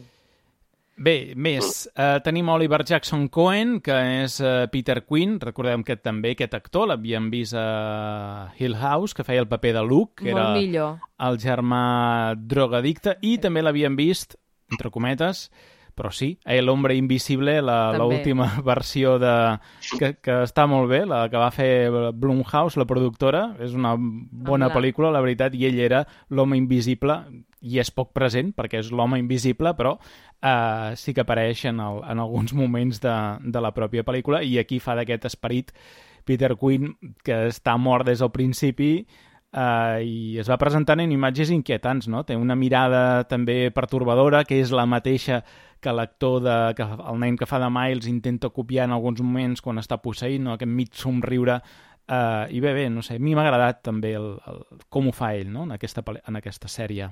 Sí, a més li dediquen també un episodi on ell està atrapat en un record i, uh, i és un record horrible, no? El, uh, sí, amb la mare, no? Amb Uf. la mare. Mm. No sé, eh, Francesc, eh, vull dir, veiem que l'estructura es, es repeteix. Vull dir, eh, tu vols explicar i vols justificar per què en Peter Quinn és com és. Perquè és un maltractador, perquè és un abusador i perquè és un lladre mm, gruller i barruer. Sí, aquí s'explica uh, una cosa que no es fa en cap altra versió de Torno the Screw, no? que, que és, perquè es comporta d'aquesta manera uh, Peter Quinn. No només és el tema del maltractament amb la mare, sinó que ell també representa aquesta ràbia de la persona subalterna enfront de les persones de, de certa posició social. No? Per això li diu constantment a Rebeca que nosaltres no som ningú, som només uh, uh, utensilis no? per, aquesta, per la gent com el Lord, uh, Lord Henry. Això s'intueix en les altres versions, aquí queda claríssim que és aquest, el, el leitmotiv del personatge. També tenim a l'actriu Amelia Eve, eh, que és Jamie, que és la, la jardinera, que eh, de gran és el que interpreta Carla Gugino, que fa de, de la narradora de, de tota aquesta història eh, en els convidats d'aquest casament de, a Califòrnia l'any 2007, eh, que resulta ser que és el casament de la, de la pròpia Flora, no? Eh, tot això se'ns explica ja a l'últim capítol, on pràcticament hi ha aquestes revelacions, si voleu, després comentem ara um, el desenllaç. No sé si teniu alguna cosa a dir d'aquest personatge. Home, a mi m'encanta. Jo l'espero, a cada episodi l'he estat esperant, perquè crec que li dona una espurna que... És que a vegades el capítol és un pensiment, de pensir-se. No? I llavors ella arriba i també té el seu moment. Té el seu moment amb aquell jardí i t'explica d'on ve, no? D'on ve familiarment, i li explica a la Dani, i tu esperes uh, a poc a poc aquell flirteig, uh, s'ha anat um, obrint una mica més, i ja que l'Edmund, per fi, uh, està fora, perquè els estava assetjant a les dues, doncs uh, la Dani pot uh, obrir-se una mica més amb, amb, amb la Jamie. I ja, a mi m'agrada, què vols que digui? I la Jamie Lowen són dos personatges que a mi m'han agradat molt. És a dir, quan surten en escena, eh, trobo que donen aquesta... No sé, és més dinamisme, més amè, l'Owen, a més, eh, amb els nens té una relació molt, molt bona, no? Tothom educa els nens, en aquests nens, tothom cria aquests nens, no? I, uh, uh, i, però bé, té, a més també té una mica, també intenten uh, ancorar-ho amb un context, té una mare que té demència, en fi.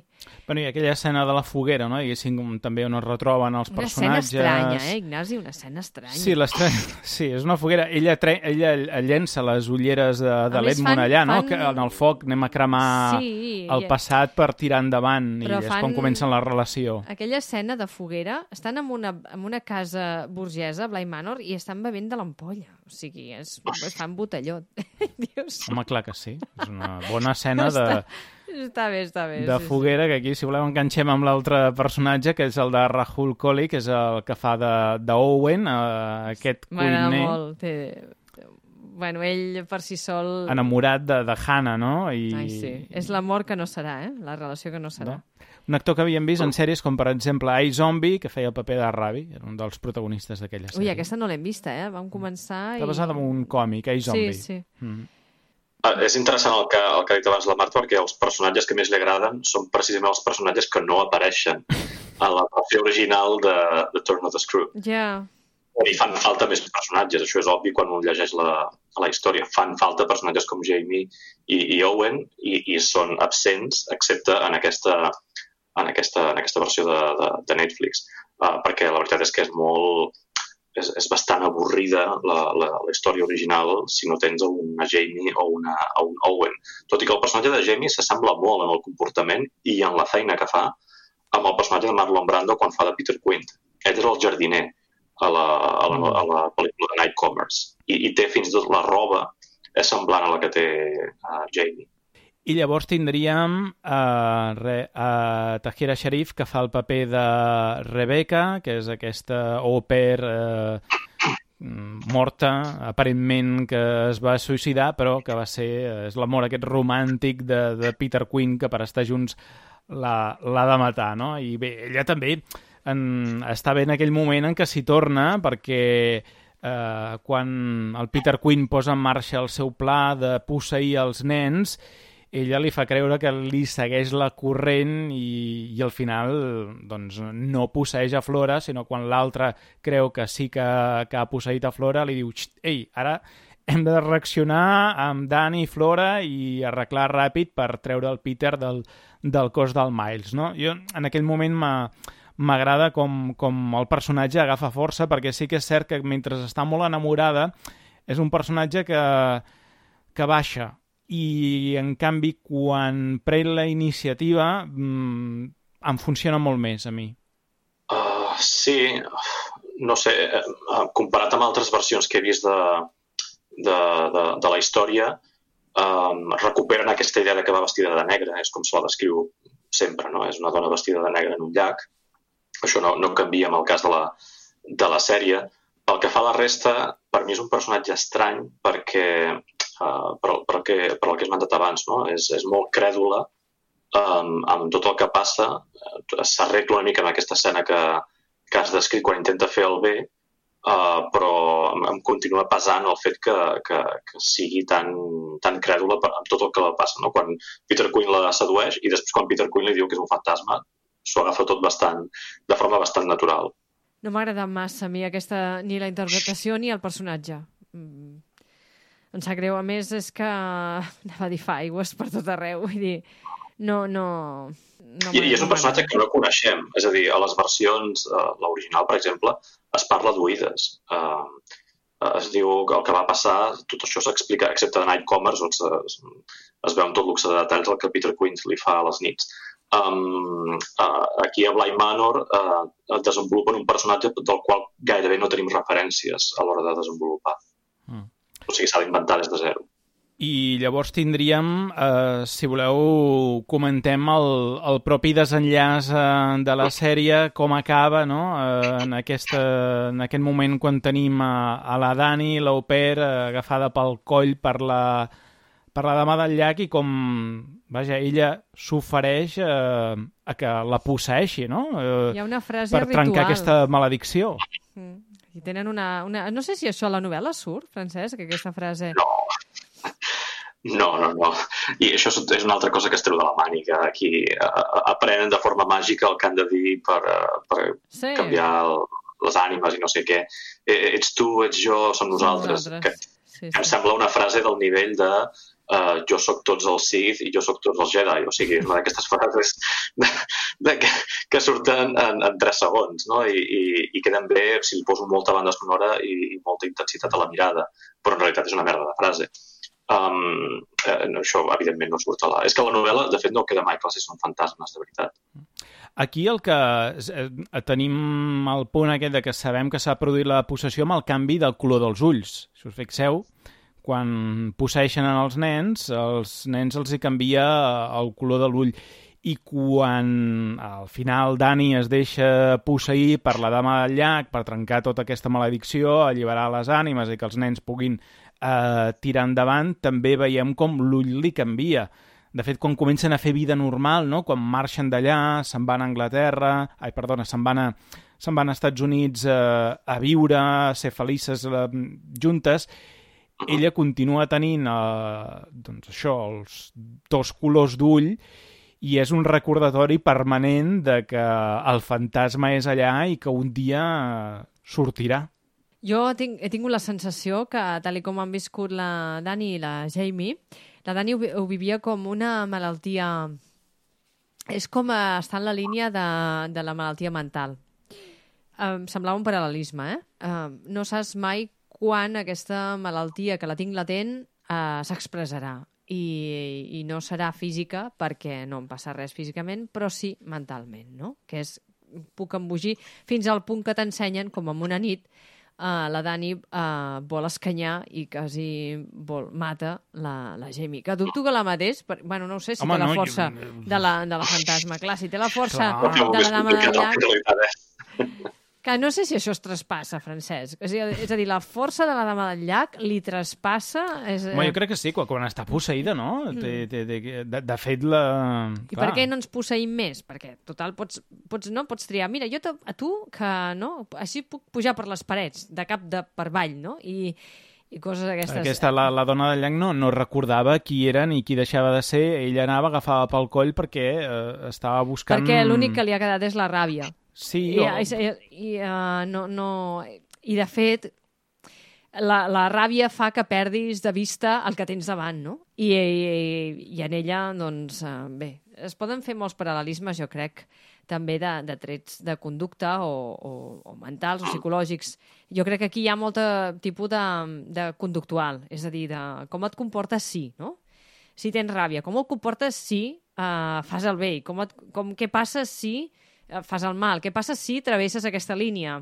Uh, tots són uh, tòpics uh, també mm. morals uh, que ja que, que ja que està, que està bé, bé que, són, que són identificables. Però ens quedem sense final feliç, perquè, clar, en aquest cas, quan ella veu que hi ha el fantasma tornat, ella se'n torna al llac i, i es deixa afugar, també es suïcida, Sí, però, però fins i tot, fins i tot, ofegada, i al fons del llac, criant malves, fa el bé la Dani. Oh, clar, sí, sí, d'això es tracta, no? És Perquè a dir... ha tingut una vida plena i el seu cor està ple d'alegria i de joia i no ha de venjar-se de res, com sí que ho havia de fer la Viola. De, de fet, ella el que fa allà és trencar amb la maledicció, és a dir, se'n va i es deixa fugar, es trenca la maledicció i s'ha acabat, perquè s'emporta eh, el fantasma de Viola amb ella, entenc. Tot i que eh, tenim el personatge de Jamie, no? que ella sempre l'està esperant, sempre va mirant el reflex de l'aigua a veure si eh, ha anat a parar dins ella. De fet, quan Jamie torna a Bly per veure si realment s'ha fugat, la veu allà morta, està esperant que la posseeixi i té l'esperança de que l'hagi posseït com la única manera de que puguin estar juntes. I ella sempre es mira, ja veiem com passen els anys i es transforma en Carla Gugino, es mira sempre doncs, a l'aigua, a la banyera, a tot arreu, esperant veure la imatge de Dani reflectida. Però no, no la veu, i és la manera que ens dona a entendre la maledicció s'ha trencat, excepte amb aquell plànol final que et ve a dir que no és un reflex, sinó que veiem doncs, que una mà que, que li toca l'esquena, que és, no hi ha hagut una possessió, però ella sempre està amb tu, no? És aquesta cosa més romàntica de, del relat, si tu vols. Bé, a mi m'ha agradat la manera d'acabar-la, la veritat.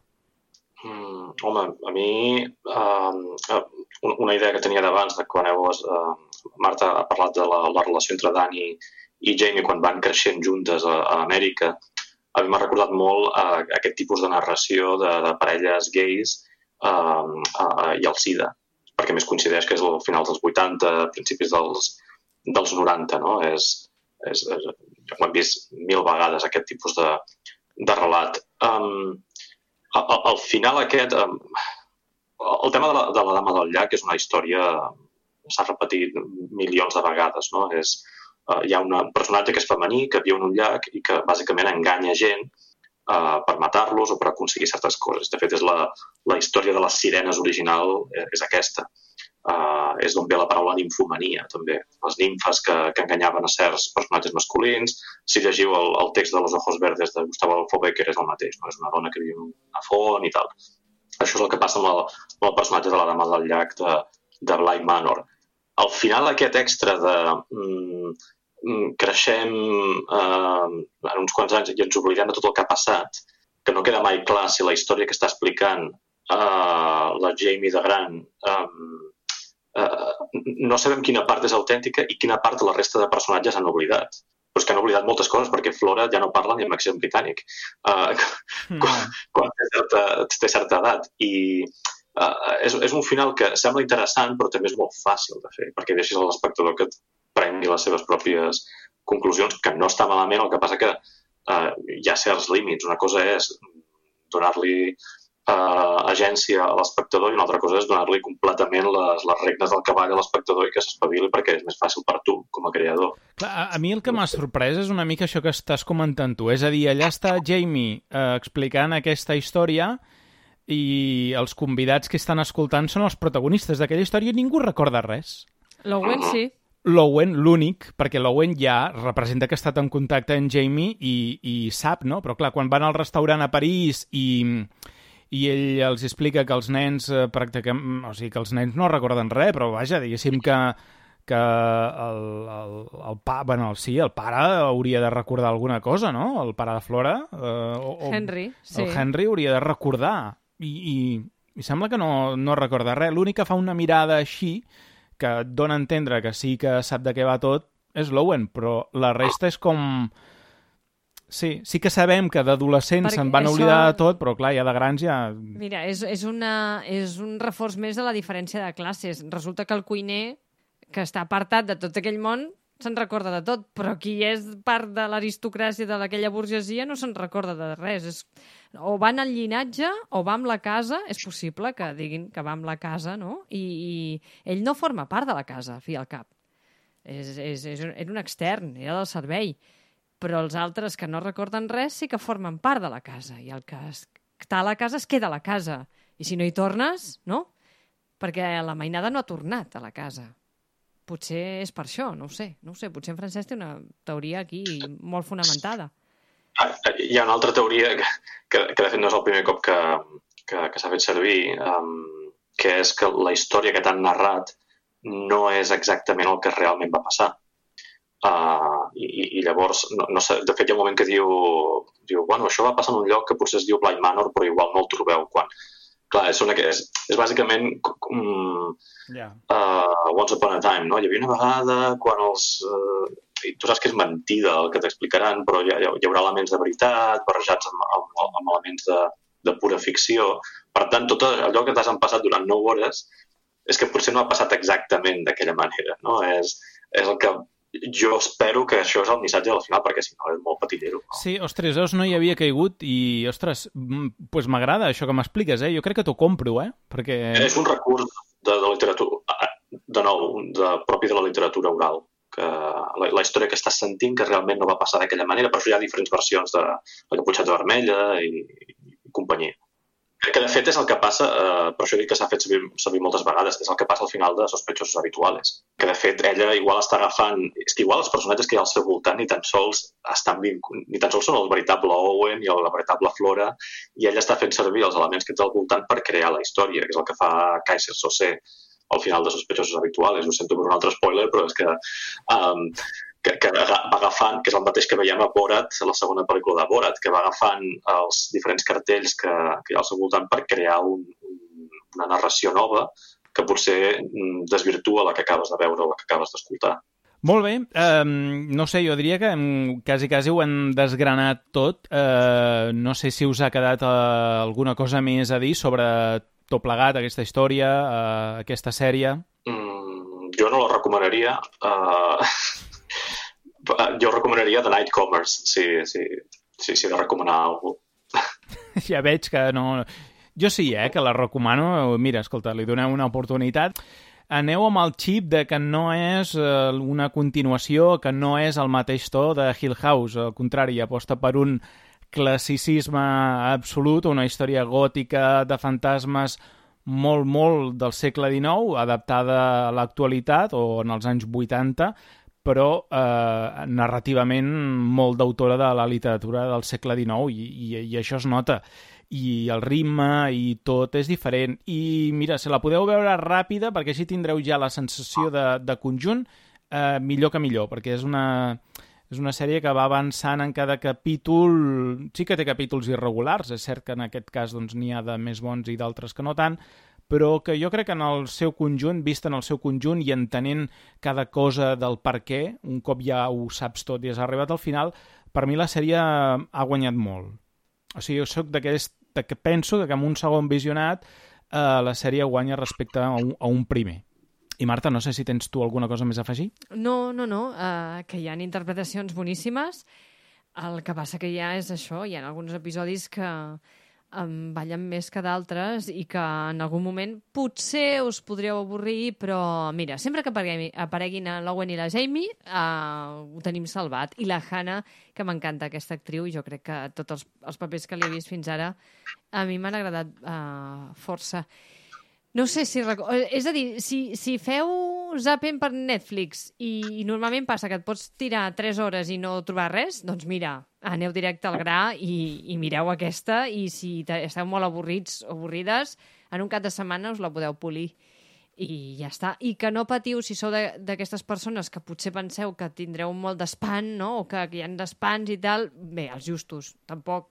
Fins que no apareix la dama, jo crec que no és de molts espans. No, jo, jo, jo amb Hill House vaig passar por, de veritat, o sigui, terror en majúscules i en aquí no. O sigui, en cap no, moment... No passes terror, no passes por. En cap moment he passat por. Mm, ho compro perquè crec que és una proposta diferent, però si vaig a buscar el mateix que Hill House, realment pot ser una decepció perquè, perquè us, us, us decepcionareu, perquè no va per al que és Hill House, per enlloc. O sigui, això no és una història de terror. És el que deies tu també, Francesc, no? que la pròpia protagonista ho diu. Al final això és una història d'amor, no, no és un relat de terror. Una mica seria això. Doncs vinga, si voleu ho deixem aquí i ens retrobem ben aviat. Vinga, fins a la propera. Doncs apa, ens escoltem. Nosaltres continuem.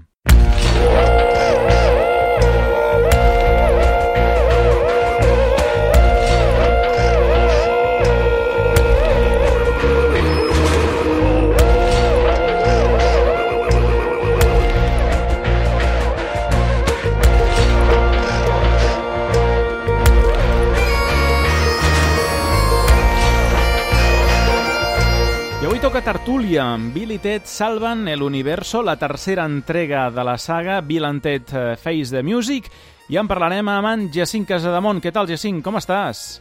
Excel·lent. Molt bé, molt content de, de tenir-te aquí altra vegada.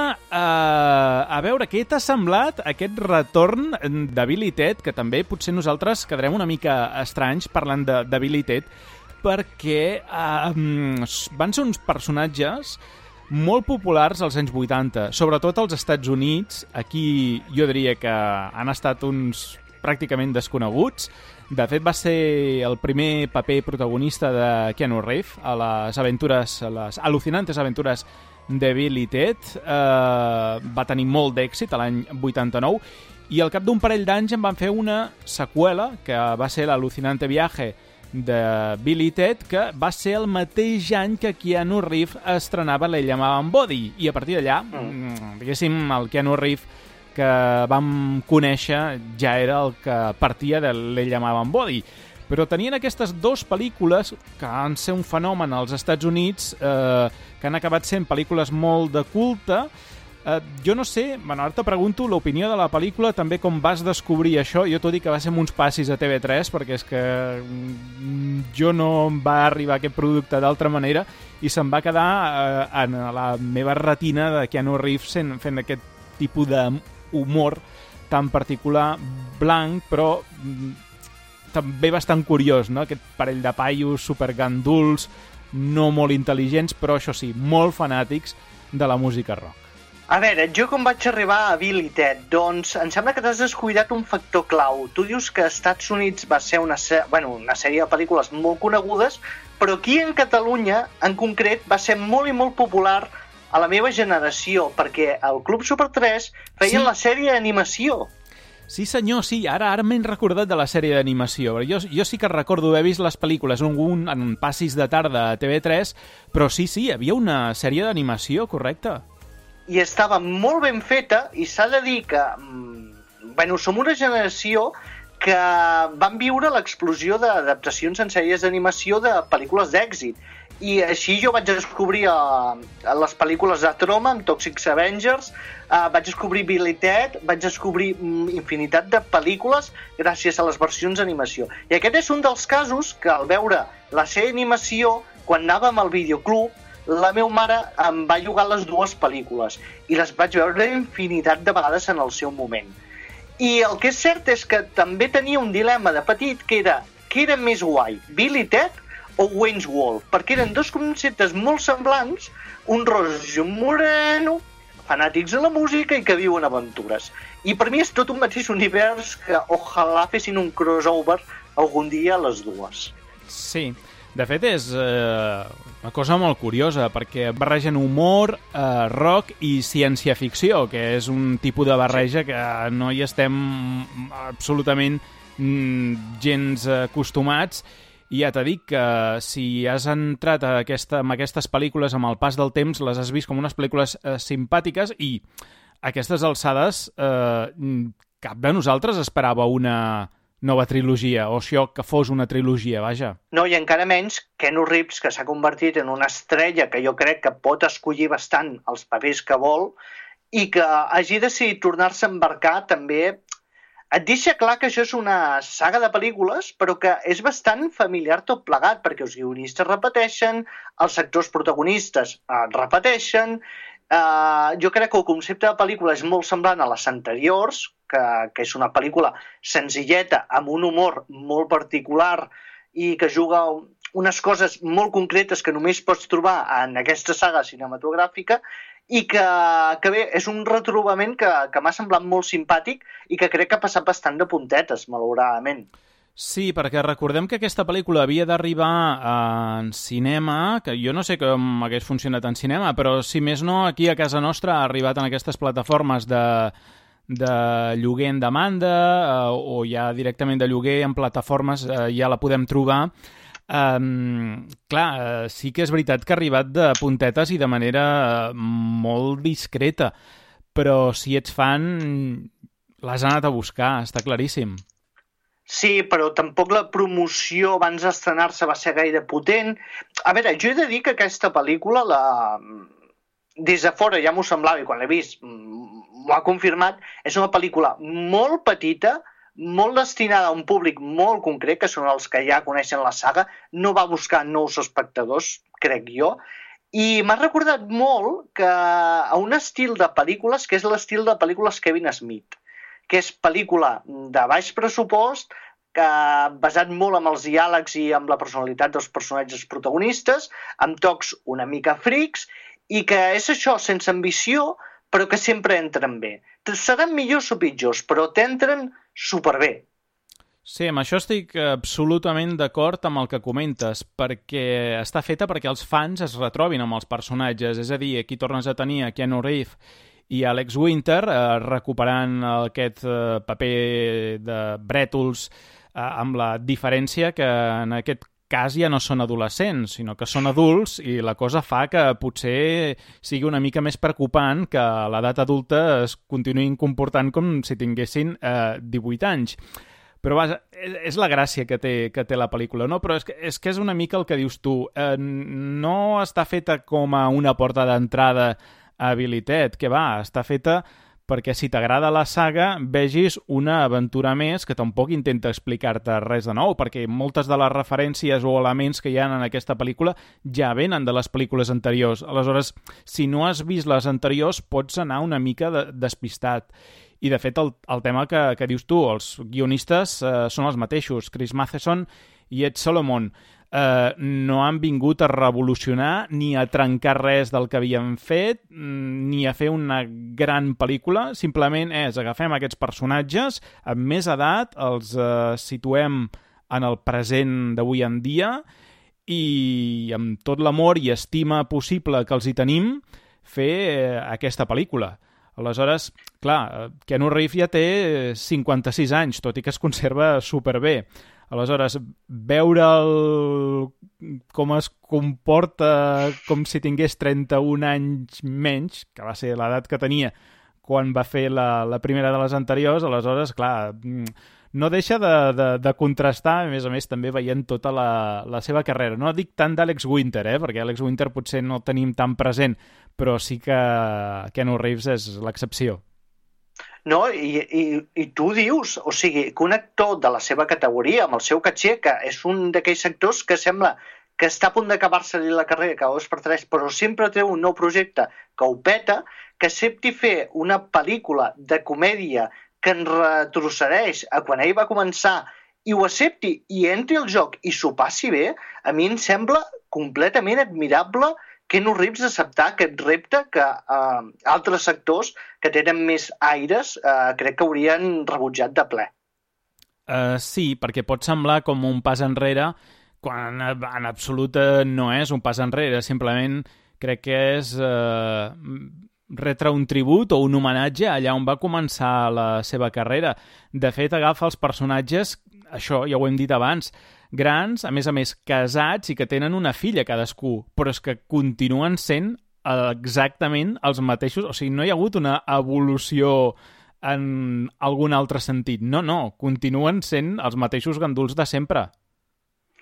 Ganduls que, que bé, que ara que veiem que estan completament emparellats, casats i emmainadats, eh, segueixen parlant en plural.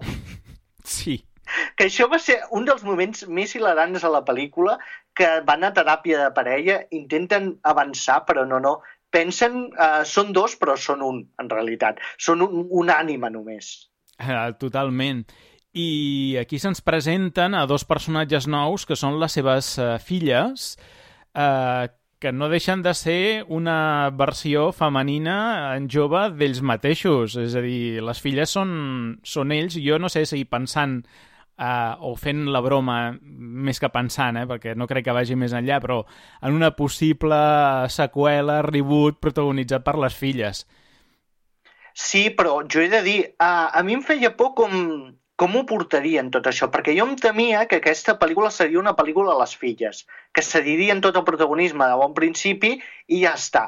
I no, no, uh, és una història paral·lela, el que els passa a uns i els passa als altres, les dues parelles. La veritat és que um, ho claven, o sigui, jo crec que la pel·lícula només amb Billy se m'hagués fet potser un xic pesada i només amb elles també se m'hauria fet un xic pesada, però en canvi saben compensar-ho molt bé i m'ha funcionat molt bé aquesta manera de narrar aquesta història en paral·lel. Mm. A més, crec que també el que fan és tancar la història, és a dir, no crec que hi hagi sí. més pel·lícules ni que aquest concepte torni amb les filles, no? Crec que està aquí més posat que amb una broma que d'altra manera, perquè el lliga els dos conceptes de la primera, és a dir, la primera pel·lícula viatjaven en el temps, coneixien els personatges més importants de la història, la segona era un viatge cap al futur, i aquesta tercera és les dues coses, és a dir, uh, barreja aquests uh, dos conceptes incorporant aquí els personatges de les filles. I les filles em trec el barret, perquè aquest tipus d'actuació, que pot semblar molt fàcil de, de fer el tonto, les dues noies ho fan increïblement bé. M'han agradat moltíssim i en crec realment que siguin filles seves. Sí, sí, és, és que interpreten copiant els tics d'ells.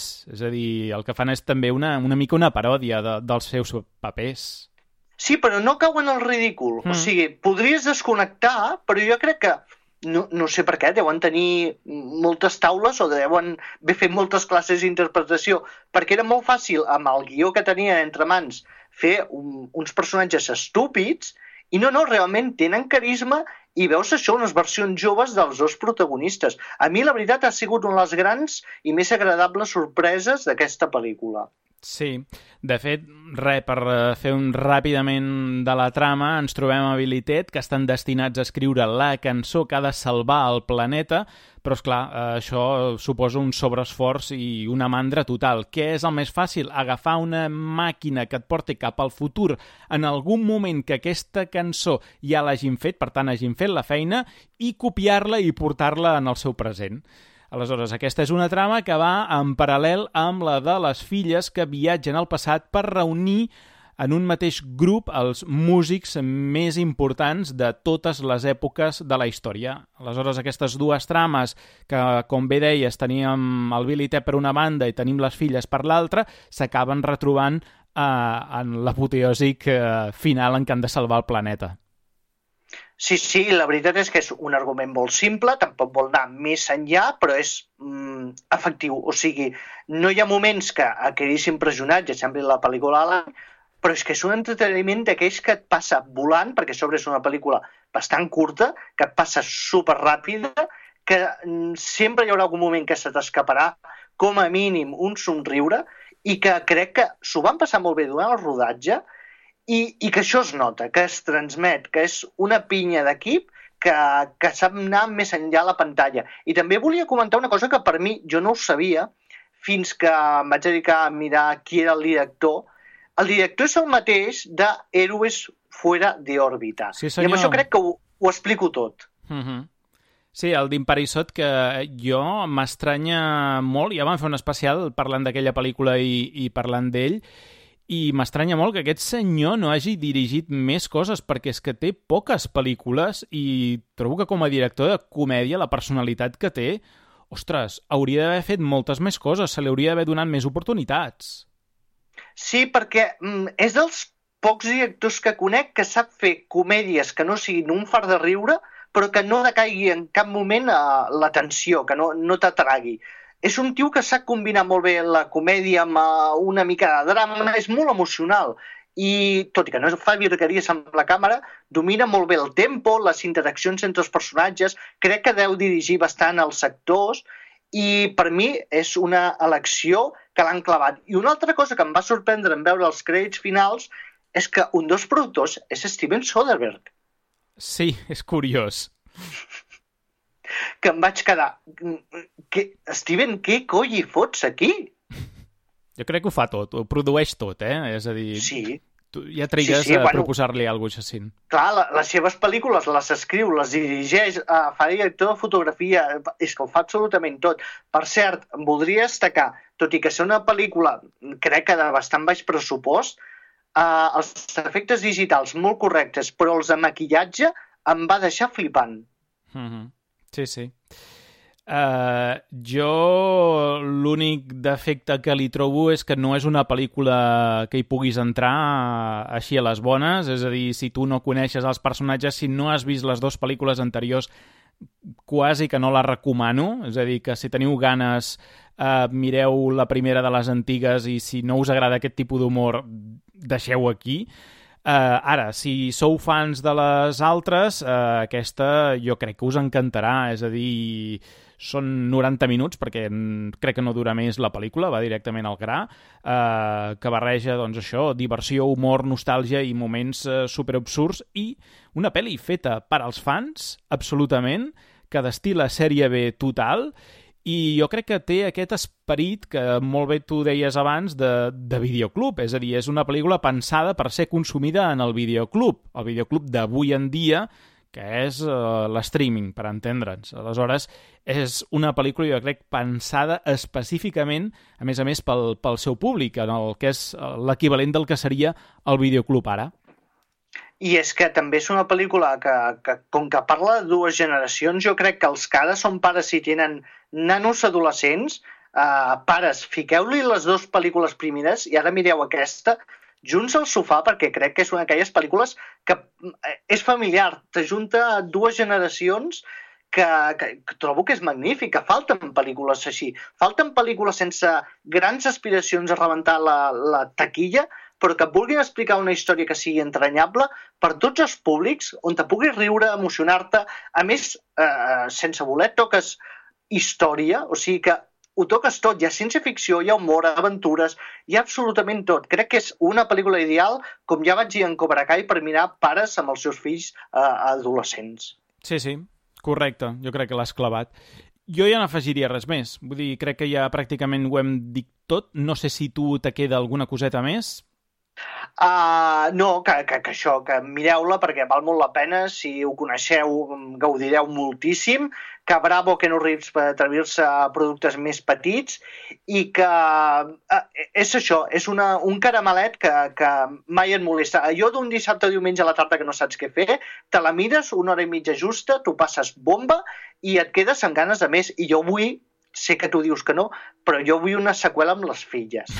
Punto. Jo no dic que no m'agradaria. Jo, ah, vale. jo dic que és molt difícil que es faci, perquè ja ha estat un miracle que es faci aquesta. Um, em sembla molt complicat, però, escolta, uh, no se sap mai. També és que ha arribat en un moment complicat. M'estàs dient que a Netflix, que li funciona Doctor Who, no podria fer una, un Doctor Who americà amb ells dues viatjant amb la cabina per la història? M'estàs dient que això no, no ho petaria? Jo dic sí. Doncs vinga, va, ho afegim amb la nostra llista de coses, de, com per exemple la sèrie dels Ewoks, que encara no s'ha anunciat, que Exacte. esperem, esperem que s'acabi anunciant un moment o altre, no, Jacint? I tant, home, és que si no m'indigno. Com pot ser que Boba Fett tingui sèrie abans que els Ewoks? Home, no pot ser això. Clar, és que ja, ja l'hem vist a Boba Fett, massa l'hem vist. Ewoks fa molt que no els veiem. Molt bé, Jacint, doncs vinga, ens apuntem en aquesta proposta. Una abraçada fins la propera. Vinga, adeu. I shall believe. I shall believe. Open the door. Show me your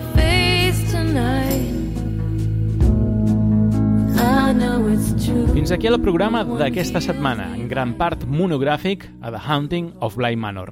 Acabarem amb música, de la banda sonora de Bill and Ted Face the Music, concretament el tema que salva el món, Will Stallings, i el tema Face the Music. Qui us parla? L'Ignes Herbat, m'acomiado de tots vosaltres. Recordeu subscriure-us al canal de podcast en qualsevol plataforma a ningunoesperfecte.cat i si aneu a iVox i ens feu un m'agrada en aquest àudio, ens ajudareu a tenir més visibilitat. La setmana vinent ens espera un dels programes més esperats de la temporada.